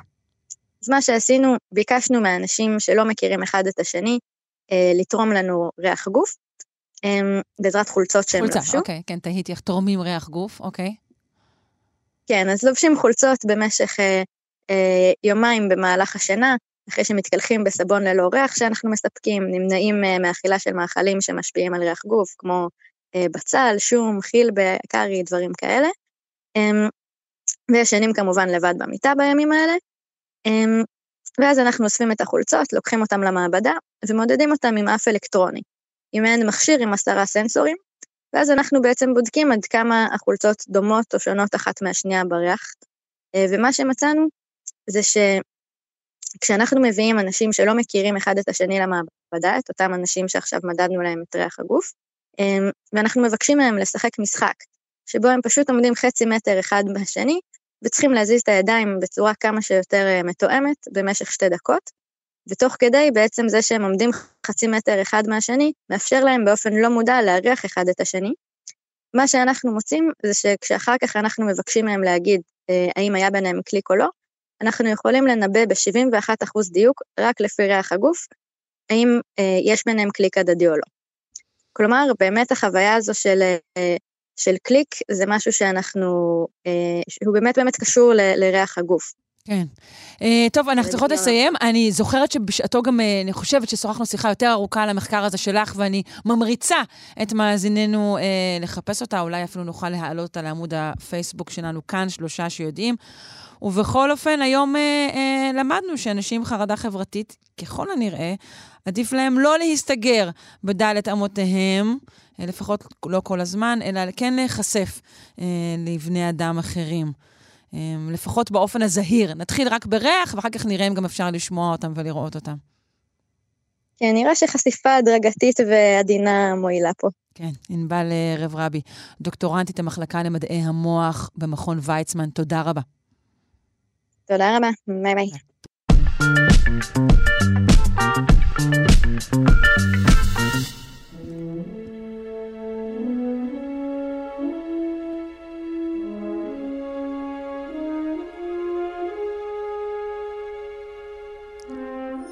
אנחנו עם אה, פינת האטמוספירה והחלל של הפרופסור יואב יאיר, דיקן בית הספר לקיימות באוניברסיטת רייכמן וחוקר אטמוספירה וחלל. שלום, בוקר טוב.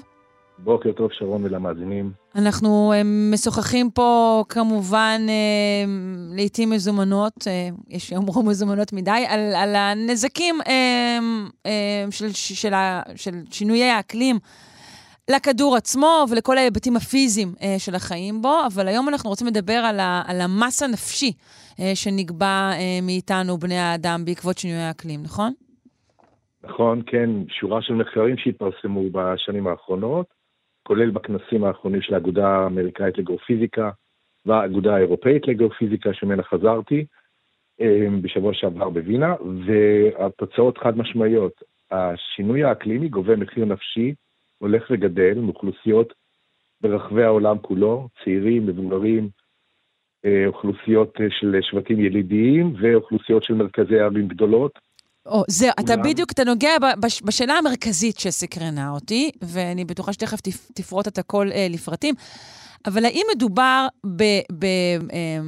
בדיכאון אמ, ומצוקות נפשיות שהן תולדה של הידיעה על האסון הקרב, או שמדובר במצוקות שהן, אתה יודע, אם נגיד כל היבולים שלי אה, לא קיימים בגלל בצורת, אז מן הסתם אני אכנס גם למצב של לחץ נפשי מאוד גדול, שאולי לא יהיה לי מה לאכול. כן, יש כאן, יש כאן הכל מכל וכול, לכל אוכלוסייה יש את המאפיינים שלה. למשל, מאבחנים עלייה די דרמטית במספר ההתאבדויות באוכלוסיות אה, כפריות, חקלאיות, מהסיבות האלה שאת תיארת. אי ודאות לגבי אפילו היבול של השנה הקרובה, קשיים כלכליים, בדידות, חרדה, וכמובן אה, אירועים פתאומיים של מזג אוויר קיצוני, כמו סופות טורנדו, הוריקונים קיצוניים, גלי חום. כל אלה מערערים את תחושת שיווי המשקל והמחזוריות הטבעית המבורכת, שהתרגלנו אליה וחיינו על פיה אה, מאות, אלפי שנים, ופתאום הכל מתערער. כן. ואי הוודאות לגבי העתיד היא, היא גורם מדכא ומכעיס, ומכניס ללחץ כמובן, בוודאי אם אין לך קבוצות תמיכה שיעודדו אותך, או איזה שהם מנגנונים מדינתיים שיכולים לסייע לאוכלוסיות כאלה.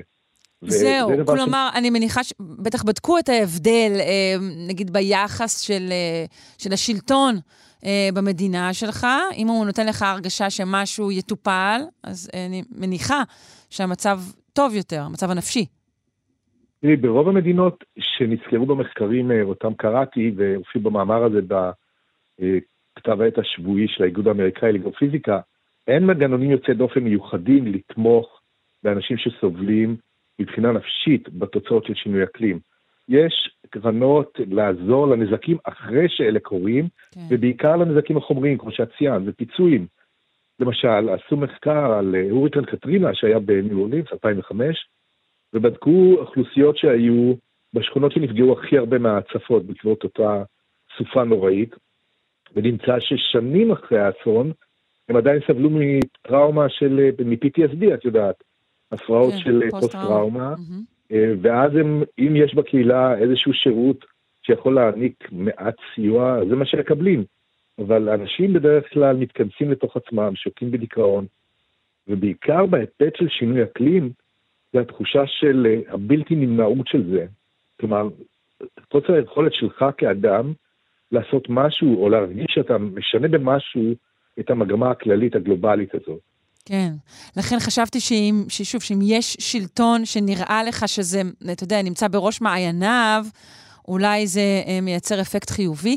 הזכרת אה, אה, התאבדויות, אני רואה כאן מידע נורא, שבאמת במחוזות בארצות הברית, שחוו אסון טבע, שוב, כאלו, כמו, כמו קטרינה או כמו השריפות בקליפורניה, הראו ששיעור ההתאבדות עלה אה, ב-23 אחוזים בשלוש השנים הראשונות לאחר אסון כזה, בהשוואה לשלוש השנים שקדמו לאסון, שזה נכון, נתון נורא. נכון, בדיוק זה המספר, אה, והצפי הוא שהמספרים האלה רק ילכו ויגדלו, אם המגמות הנוכחיות של השינויים האקלימיים תימשכנה באותה עוצמה.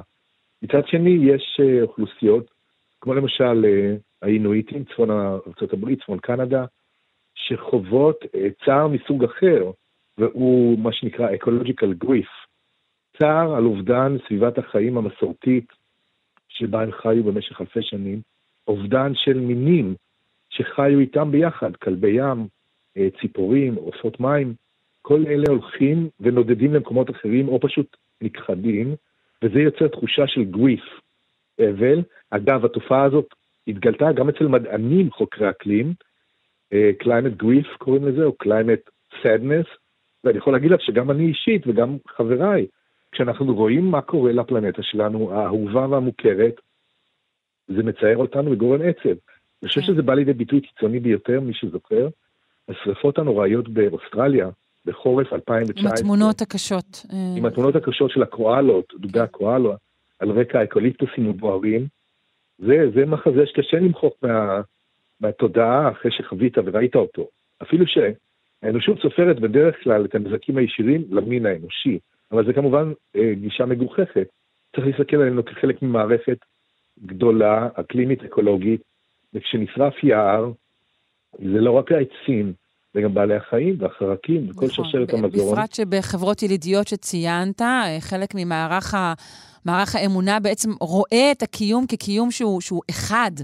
אה, רואה את נפש האדם כמגולגלת ומתגלגלת אה, בחיות שונות, וגם בצמחים שונים, בטבע כולו. בוודאי, בוודאי, את צודקת, ככה זה מהאבוריג'נים באוסטרליה ובודהיסטים בתאילנד, ושבטים ילידיים באמריקה הלטינית או באמזונס.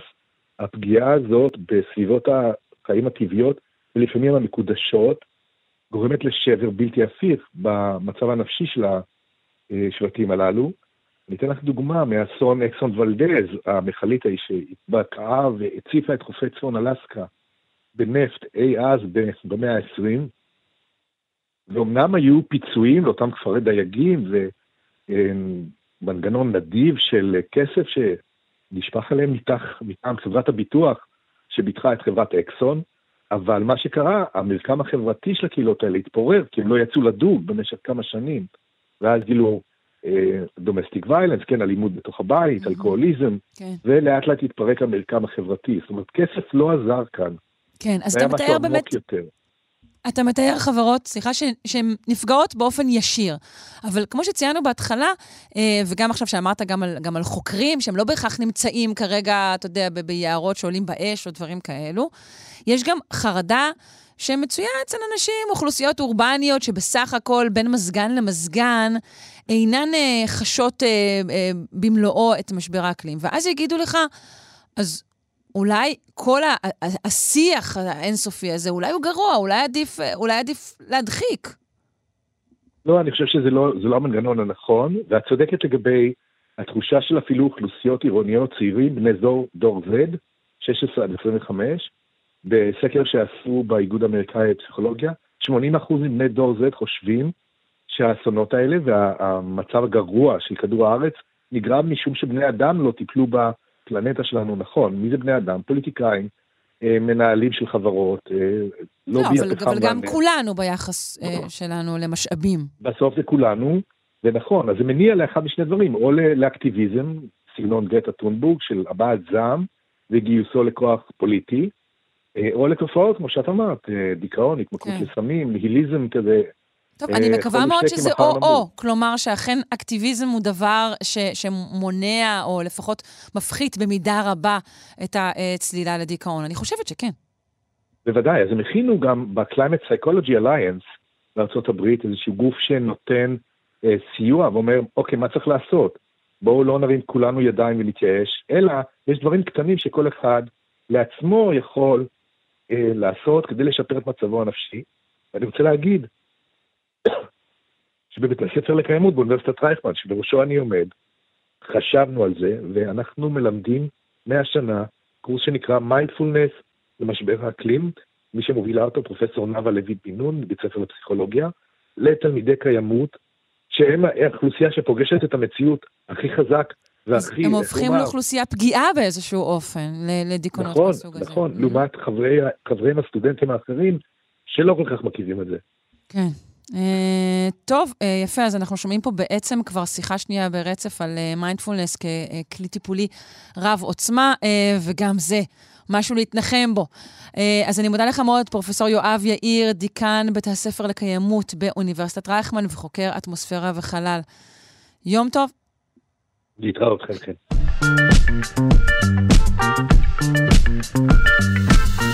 אנחנו ממשיכים עם ממצאים ארכיאולוגיים מעניינים מאזור גרינלנד. אה, התגלה שככל הנראה קולוניאליסטים נורדים שחיו בגרינלנד אה, במאות העשירית אה, עד המאה ה-15 בערך, ייבאו לשם עצים מצפון אמריקה, שנחשבו לאיכותיים יותר אה, מאשר העץ המקומי. אה, נשמע על אה, איך אה, התגלתה אה, תגלית זו ועל מה היא מעידה. והפרופסור יצחק חן, הוא היסטוריון של ימי הביניים המוקדמים וראש המכון הישראלי ללימודים מתקדמים באוניברסיטה העברית. בוקר טוב. בוקר טוב. אה, בוא נתחיל בלהכיר בכלל את אה, גרינלנד של אה, לפני כאלף אה, שנים. מה יש במקום אה, הזה? מי יושב בו? אז גרינלנד היא מקום אה, אה, שקשה מאוד להתיישב בו, ובטח קשה להתקיים בו ולקיים בו יישובים לאורך זמן. מאוד קר שם, חלק גדול מהשנה האדמה קפואה. אה, כך שמי שמתיישב לשם צריך להסתמך בהרבה מאוד מקרים על ייבוש של מוצרים. ובשנת פלוס מינוס 985 מתיישבים שם הוויקינגים, שפולשים אה, אה, בהתחלה לאירופה ואחר כך אה, מתרחבים גם מערבה, הם מגיעים לגרינלנד, אחר כך לאיסלנד, ובסופו בסופו של דבר גם לצפון אמריקה, לאזור של לברדור, צפון מזרח קנדה. ומקימים שם יישוב ומתיישבים שם. עכשיו, כדי לקיים יישוב צריך לבנות בתים, והעצים שגדלים באירלנד, הם, בגרינלנד, הם לא כל כך גדולים ולא כל כך חזקים, הם מזנים מאוד מיוחדים שמצליחים לשרוד את הקור ואת הטמפרטורות בגרינלנד. ולמעשה התושבים של גרינלנד בעצם מסתמכים על אה, אה, העצים האלה לבנות את הבתים שלהם, את מבני הציבור, אם יש. לצד המבנים האלה יש גם כמה מבנים שנבנו מעצים אה, איכותיים יותר, ואותם צריך היה להביא. ומאיפה להביא? בעיקר מנורבגיה, וככל הנראה גם קצת מצפון אמריקה. עכשיו, כשאנחנו מדברים על היבוא הזה, זאת אומרת, המחקר עצמו הוא מחקר על שרידים של העצים האלה שנמצאו אה, אה, בגרינלנד מהמאה העשירית עד המאה ה-15 פחות או יותר, נלקחו משהו כמו 8,000 אה, פלוס מינוס דגימות של עצים כאלה שנבדקו במעבדה. ומתוך ה-8,000 פלוס אה, דגימות האלה, 26 דגימות הן דגימות של עצים שלא גדלים בגרינלנד. אילו, אילו עצים, בין היתר, מדובר? על איזה סוגים? אה, בעיקר העצים ש, ש, אה, שמביאים, שמייבאים, זה בעיקר עצי אלון, אורן היערות, ראש, עצים שמיועדים לבנייה שהיא בנייה אה, איכותית וחזקה, אנחנו מכירים אותם אה, אה, מהיבשת, כן, מאירופה, משתמשים בהם הרבה מאוד, אבל באותה תקופה, זאת אומרת לפחות במאה העשירית והאחת עשרה, עצי אורן היערות לא היה כל כך נפוץ בנורבגיה.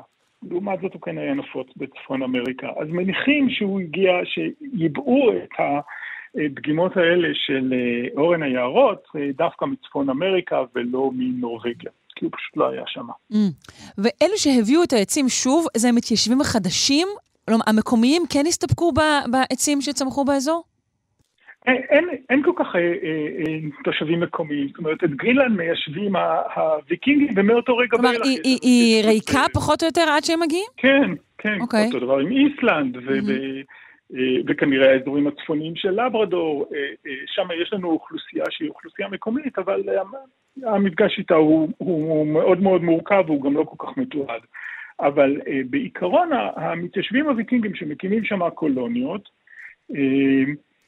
משתמשים במה שיש להם במקום ומביאים קצת מבחוץ. עכשיו, האחוז הוא אחוז מאוד מאוד קטן, תחשבי, עם 26 אה, אה, דגימות מתוך 8,000 מעידות על יבוש של עצים, זה אחוז מאוד קטן מה... מהשימוש, ובכל זאת המחשבה היא שכל אותם אה, אנשים עמידים שנמצאים באמת אה, אה, במשרות המפתח של אותה חברה, שאגב אנחנו לא ממש יודעים אה, מה ההרכב החברתי שלה, אז אנחנו מניחים שאותם עשירים ועמידים רצו בתים קצת יותר גדולים וקצת יותר מפוארים, ויהיו להם את האמצעים לייבא את העץ הזה ממקורות אחרים. אבל זה לא צריך להפתיע, כי בכל חברה, גם אה, בעולם הרומי למשל, מייבאים אה, שיש כדי לבנות את הבית של הקיסר. אה, לא בונים אותו מהלבנים המקומיות. לא, מה פתאום. אבל השאלה האם היבוא הזה... האם הוא גם מעיד על, על היכולות? אני חושבת שכשבונים באמת בית לקיסר, או את בית המקדש, או דברים כאלה, עצם ההבאה של דברים מרחוק, היא מעידה על היכולת, על העושר, על התעוזה, על הייחוד. האם גם כאן יש דבר כזה, שזה משהו שהוא בעיקרו. פרקטי? לא, לא, זה, זה פרקטי בוודאי, אבל זה, יש כאן בהחלט עדות מאוד מאוד משמעותית על גם התחכום של החברה, על הערכים של אותה חברה, על העובדה שיש מסחר, ומסחר מאוד מאוד ענף, זאת אומרת, אה, אה, אם עצים לבנייה הם לא הדבר הראשון שעולה בדעתו של מי שמבקש לקיים מסחר. אה, וכך שבהחלט יש לנו כאן עדות שהיא עדות יפה ומאוד אה, אה, משמעותית על הקשר שבין העולם הוויקינגי השורשי, כן, נורבגיה, סקנדינביה, דנמרק, עם גרינלנד ועם הקולוניות האחרות שנמצאות ב, אה, בצפון אמריקה. כלומר, יש לנו כאן מערכת מאוד מאוד מסועפת אה, אה, של אה, קשרים, של נסיעות, של הבאת סחורות, יבוא סחורות. אנחנו יודעים שבצפון... אה, בצפון אה, אמריקה, הוויקינגים גם מתחילים לגדל גפנים ולהפיק יין, שבסופו של דבר מגיע בדרך לא דרך אה, לנורבגיה. אין לנו, אין לנו ספק שיש קשרים מאוד מאוד הדוקים בין הקולוניות האלה, הן גם נשענות אחת על השנייה כדי אה, אה, אה, לשרוד.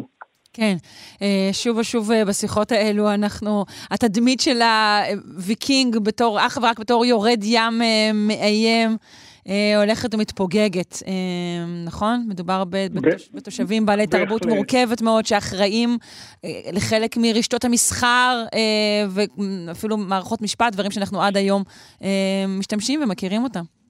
נכון, בהחלט. תשמעי, הפלישות הראשונות של הוויקינגים ל...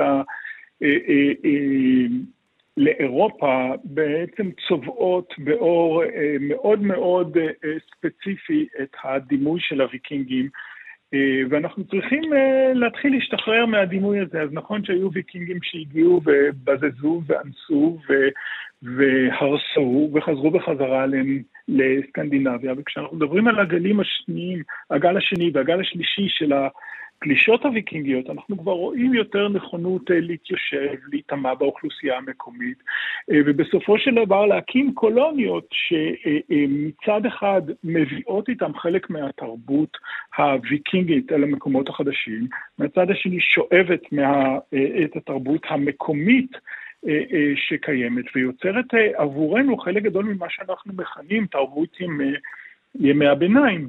כן, כך בהחלט. שבהחלט יש פה משהו הרבה יותר מורכב מסתם אה, שודדים ובוזזים שמגיעים. אבל תראה מה זה אה, רושם ראשוני, נורא קשה אחר כך לשנות את זה. אה, בוודאי, בטח לא כשיש לך סדרת טלוויזיה שמנציחה בדיוק שמאגנת את זה. ומנציחה את, ה, את הרושם הזה. פרופסור יצחק חן, היסטוריון של ימי הביניים המוקדמים וראש המכון הישראלי ללימודים מתקדמים באוניברסיטה העברית, תענוג לשוחח איתך, תודה רבה. תודה רבה, להתראות.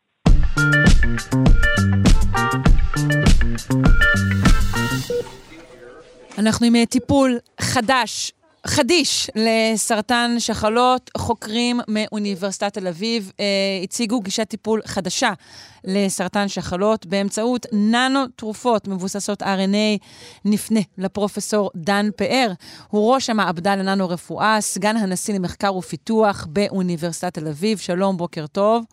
בוקר טוב. אז אה, קודם כל אה, ברכות אה, לכם ולכולנו על המחקר הזה, שמראה אה, שיעור הישרדות מדהים בבעלי החיים עליו הוא בוצע. זה נכון, זה נכון. מדוע בחרתם בעצם לחקור ולנסות לרפא בדרך הזאת דווקא סרטן שחלות? קודם כל, סרטן שחלות שהוא גרורתי, האופציות הטיפוליות שקיימות הן לא פנטסטיות, בוא נגדיר את זה ככה. וזה משהו שמאוד מעניין אותנו לאורך השנים, זה לא הפעם הראשונה שאנחנו עוסקים בתחום הסרטן הזה.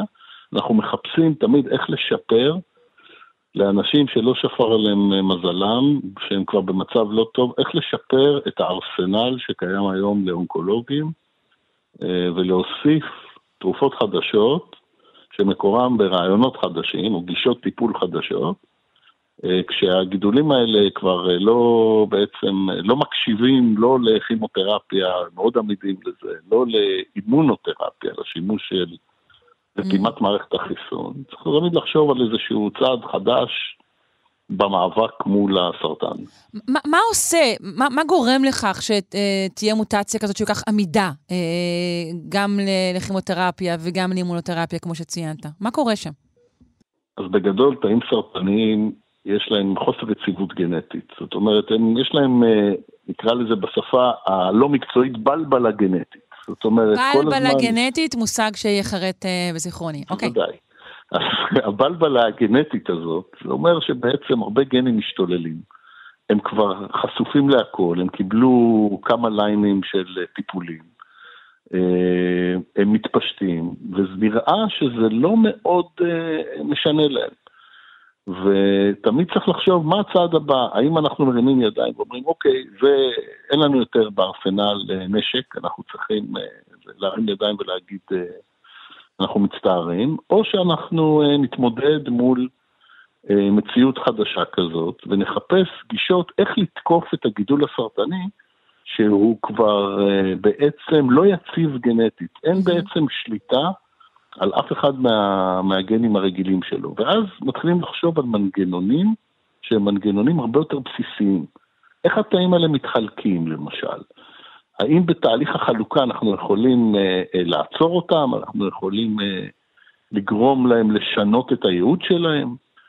וככה, מתוך איזשהו סקרין שבכלל בוצע על תאים אחרים, על, על, אה, על סרטן דם שנקרא מיאלומה נפוצה, ועלה איזשהו גן שקשור לחלוקת תא, אה, החלטנו לרתום את היכולות שלנו בעולם ה-RNA ולנסות להשתמש בגישה כזאת של RNA שתשתיק את הגן המיוחד הזה, ש- שדרך אגב הוא לא נחקר מעולם בכיוון של סרטן. זה כל כך באמת? טריוויאלי, כן, חלוקת תא, הרי ברור שזה קורה בכל התאים.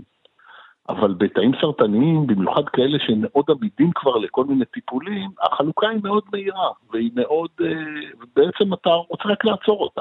אם תעצור אותה, בסוף אתה ימות. אז, אז זה בעצם ה- המחשבה שלנו הייתה. זה אומנם, אני מספר את זה בדקה, כן, אבל... זה נשמע כזה, כן, בטח, רק צריך לעצור. את זה, וזהו. אה, אה, כן. אפשר לרתום, נגיד שוב, את- את אי היציבות הגנטית, דווקא לרתום אותה כדי לתקוף את הסרטן? אז זה מה שאנחנו חושבים. זאת אומרת, אחד ה... אחד, אחת המחשבות שלנו הייתה לנצל נקודות תורפה שמעולם לא נוצלו לצורך העניין הזה. אם חושבים על זה ברמה חצי פילוסופית, אתה כבר ראה הכל, אתה הסרטני, כבר טיפלו בו, כבר אה, ניסו לחסל אותו, והוא תמיד יודע להתמודד. אז בוא נחפש גישה שהוא גישה מאוד בסיסית של אתה, אתה אוהב לנצל את זה, ואנחנו נתחכם טיפה עם מנגנון שהוא עוד לא מכיר. אגב, יכול להיות שעם הזמן הוא כן יכיר אותו, כן. אבל כרגע זה משהו שהתאים האלה לא נחשפו אליו, אה, גם בטרגט ה- הגנטי וגם בשיטה עצמה. אז מה עושים? איך בעצם משתיקים את, ה, את, את הגן הזה, את החלבון אז הזה? אנחנו, אוקיי, אז אנחנו אה, בעצם משתמשים ב-RNAים קצרים, שנקראים Small Interference RNA, או siRNA, כדי להשתיק גנים. השיטה הזאת היא קיימת כבר אה, מעל 20 שנה. יש חמישה מוצרים היום אה, שאושרו לשימוש ב-FDA, אף אחד מהם לא בסרטן, אבל יש אה, הורדת כולסטרול, ויש אה, אה, מחלות גנטיות שקשורות לכבד, שמשתמשים בזה, ודווקא בסרטן אפשר לרתום פה את היכולת הזאת להשתיק את הגן כדי שלא יהיה פעיל לפחות בנקודת זמן מסוימת. דרך אגב, השלב הבא זה לחתוך את הגן. זאת אומרת, עכשיו אנחנו, אוקיי, יודעים שזה מעניין, שיש פה תוצאות טובות מאוד, בשלב הבא אנחנו רוצים לקחת את הגן הזה ולחתוך אותו החוצה, להוציא אותו החוצה לגמרי. כן, זה נשמע הגיוני. כן, הראינו אה, פעילות כזאת בסרטנים אחרים לפני כמה שנים. למעשה היינו הראשונים להראות שאפשר להשתמש בשיטות של עריכה גנטית, של קריספר, בסרטן, אה, לפני שלוש שנים, ו- וזה דבר שמתקדם היום. אנחנו לאט לאט, כל, כל מאמר כזה, כל עבודה כזאת, היא, היישום שלה, שזה בטח אחת השאלות שאת אה, רוצה לשאול אותי בסוף, היישום שלה בחולים לוקח המון זמן. אני רוצה לשאול על היישום וגם על סוגי סרטן אחרים. האם אנחנו כרגע מדברים רק על השחלות? נפלא. לא. אז, אז בואו נתחיל עם היישום ואז אני אעבור לסוגים האחרים. אז היישום זה תהליך שלוקח המון זמן, הוא מבוסס, הוא מצריך בעצם מאחוריך חברת תרופות, כי אנחנו באקדמיה יודעים לתת רעיונות, אבל בסוף מישהו צריך להרים את זה.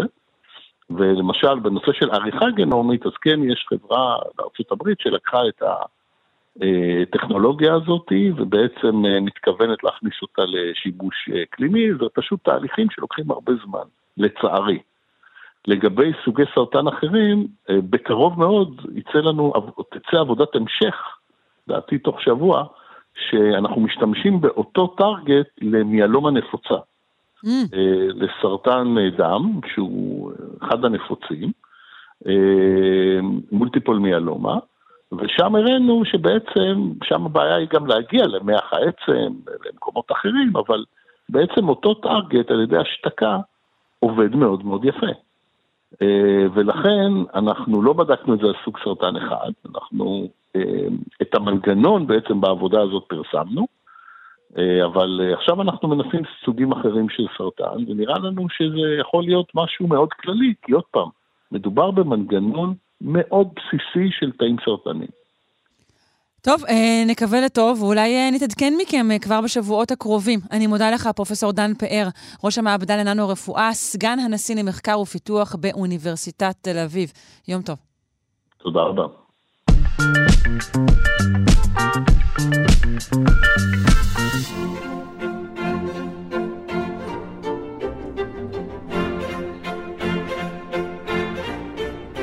וזוהי פינת האומנות של יונתן הירשפלד, צייר וכותב על אומנות. שלום, בוקר טוב.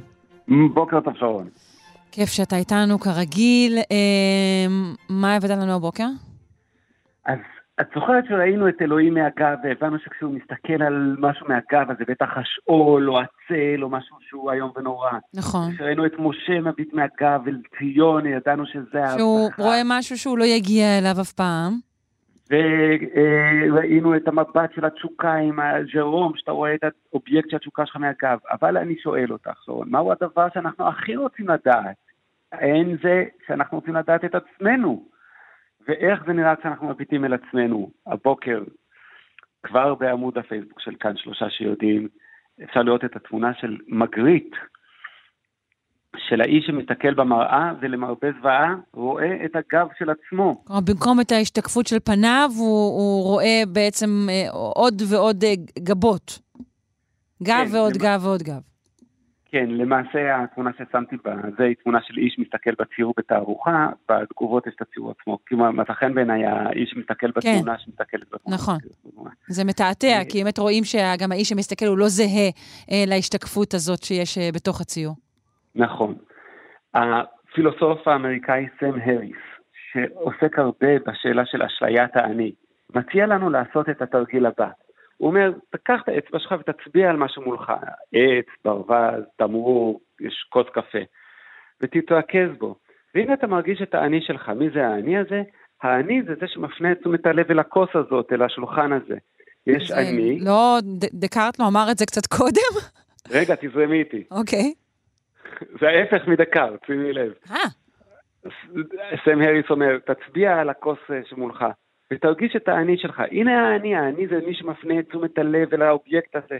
עכשיו הוא אומר, תעשה תרגיל כזה, תפנה את האצבע אל עצמך. מה אתה חווה כאן? ואז הוא אומר, קורה משהו מאוד מוזר. ברגע שאתה מפנה את תשומת הלב פנימה, אתה מגלה שאין הפניית תשומת לב, אין אני שמפנה תשומת לב. יש רק מכונה שיודעת להתבונן החוצה, אבל בעצם אין אני. וסמיאליס כותב על זה, ש... ולא רק שאין אני כ- כמכונה של מפניית תשומת לב, גם אין אובייקט, אין, אין, מה זהו, אין שם. אובייקט ואין סובייקט, זה מבטל את שניהם, אוקיי. שניהם. ותרגיל קטן במין מדיטציה כזאת, כן, מה שכל דתות המזרח מלמדות אותנו, שהאני הוא אשליה, לוקח שנייה לעשות אותו, ואתה פתאום מבין שבעצם יש כאן מכונה ביולוגית שבנויה כדי להפנות תשומת לב ולשמור על הגוף, אבל האני הוא אשליה, ובעצם הוא תמיד נותר עם גבו אליך. אתה אף פעם לא רואה, זאת אומרת, מכל הדברים שראינו מהגב, אלוהים, ואומנות הציור של ורמיר, וכל הדברים שראינו מהגב, הכי מהגב עומד, עומדים אנחנו ביחס לעצמנו. הסברת אבל במחי אה, שני משפטים את כל ההצלחה של, ה, של הרשתות החברתיות, שהן בעצם מנכיחות איזו אשליה של אני, ברגע שאני כאילו מצטלם ושם וזה, אז, אז הנה, הנה אני. חד משמעית, חד משמעית. יש איזו תחושה שהאני שלנו הוא אוסף של אובייקטים. למעשה, איך נראית שיחה ששני אנשים מדברים? את מראה לי אובייקטים שמאשרים שיש לך אני, את אומרת, פעם הלכתי ברחוב והאוטו השפריץ עליי פרוץ, ואני מספר לך איזה סיפור שקרה לאני שלי, פעם הלכתי ברחוב וראיתי את דיוויד ברוזה, ושנינו, ושנינו מאשרים שיש איזה אני, אבל זה הכל אשליה. שיש אני הזה- ושיש את דיוויד ברוזה. כן. ואני חושב שיש משהו מאוד מאוד מעניין גם במראה בתוך מראה בתוך מראה, ואולי גם על זה צריך להגיד משהו.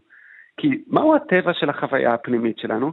שאתה עושה משהו, אבל אתה יודע שאתה עושה אותו, אבל אתה יודע שאתה יודע שאתה עושה אותו, ואתה יודע שאתה יודע, ואז זה כמו מראה שמסתכל, מצלמה שמסתכלת על מוניטור. זאת אומרת, מישהו חותך אותך בכביש, אתה אומר לו, יא בן זונה וזה. ואז אתה אומר לעצמך, למה אני האיש הזה שמקלל באוטו? ואז אתה אומר לעצמך, למה אני האיש... ואז אתה אומר לעצמך, למה אני האיש הזה שיש לו מיד רגשות אשם וזה שהוא קילל? Mm. ואז אתה אומר, זה כאילו אינסופי. זאת אומרת, המלל האינסופי הזה. עכשיו תהיי מגריט. אבל, אבל מגריט פה, זה לא, זה לא אינסופי, אה, העבודה נכון. הזו, נכון? נכון, שזה מה לא שמעניין, בה, כי היינו מצפים שזה יהיה כזה טריק של אינסופיות. אה, נכון, גם במוזיאון תל אביב הייתה עבודה כזאת שעומדים מעל בעצם אה, מראה ומסתכלים למטה, ממש אה, לפני שנה, שנתיים. נכון, אה, אבל פה זה לא, פה זה בעצם רק בבואה אה, אחת. שעומדת עם הגב אליך, כן. לגמרי. אגב, זה קורה לנו לפעמים אצל הספר. אתה יושב אצל הספר ופתאום אתה רואה בזווית העין מראה שרואה את- אותך לא ממול אלא מהצד. ואז אתה רואה את עצמך כזר, זו תחושה מאוד מאוד אה, על ביתית, מאוד מאוד לא נעימה. כן. אה, מה, מה אתה חושב בזה- שמגריט ניסה לבטא את, ה, את הרעיונות האלו בעבודה הזו, או שהוא אה, אה, שוב ניסה להיות, אני לא יודעת, אתה יודע, אומן האשליות המבריק שהוא?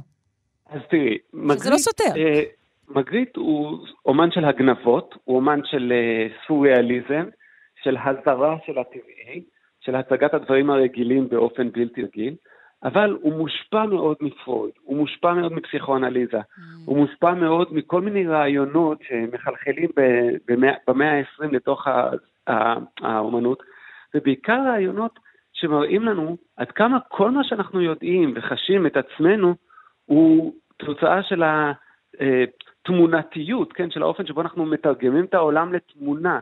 והעולם הוא לא תמונה, העולם הוא פשוט העולם. שזה אה, בעצם השיא של התפיסה הזו אה, מגיע ב- ב- ב- זו אינה מקטרת, נכון? בבגידת נכון, הדימויים. בדיוק. נכון, לגמרי.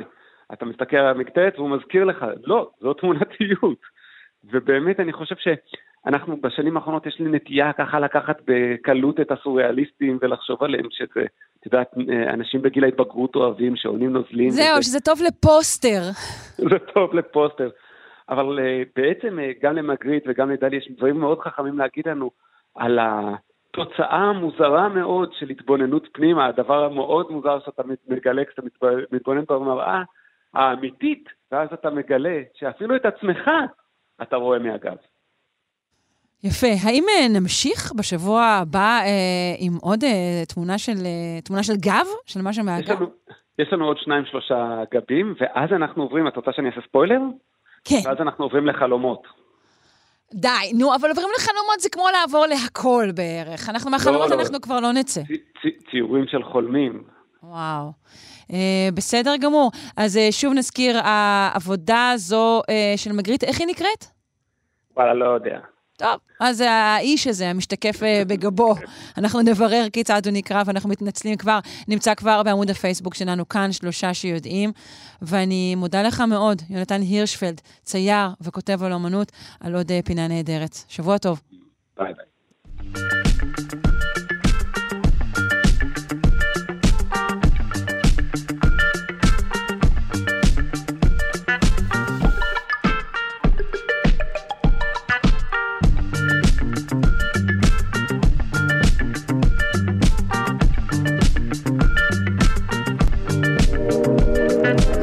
להן שעתיים שלנו, שלושה שיודעים, אני מקווה שנהניתם ושהתעניינתם.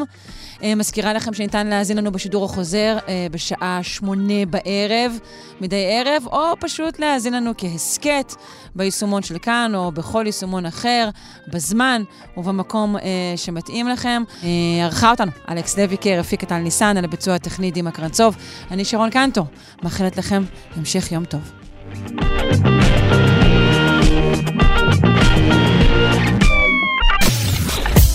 אתן מאזינות ואתם מאזינים לכאן הסכתים. כאן הסכתים, הפודקאסטים של תאגיד השידור הישראלי.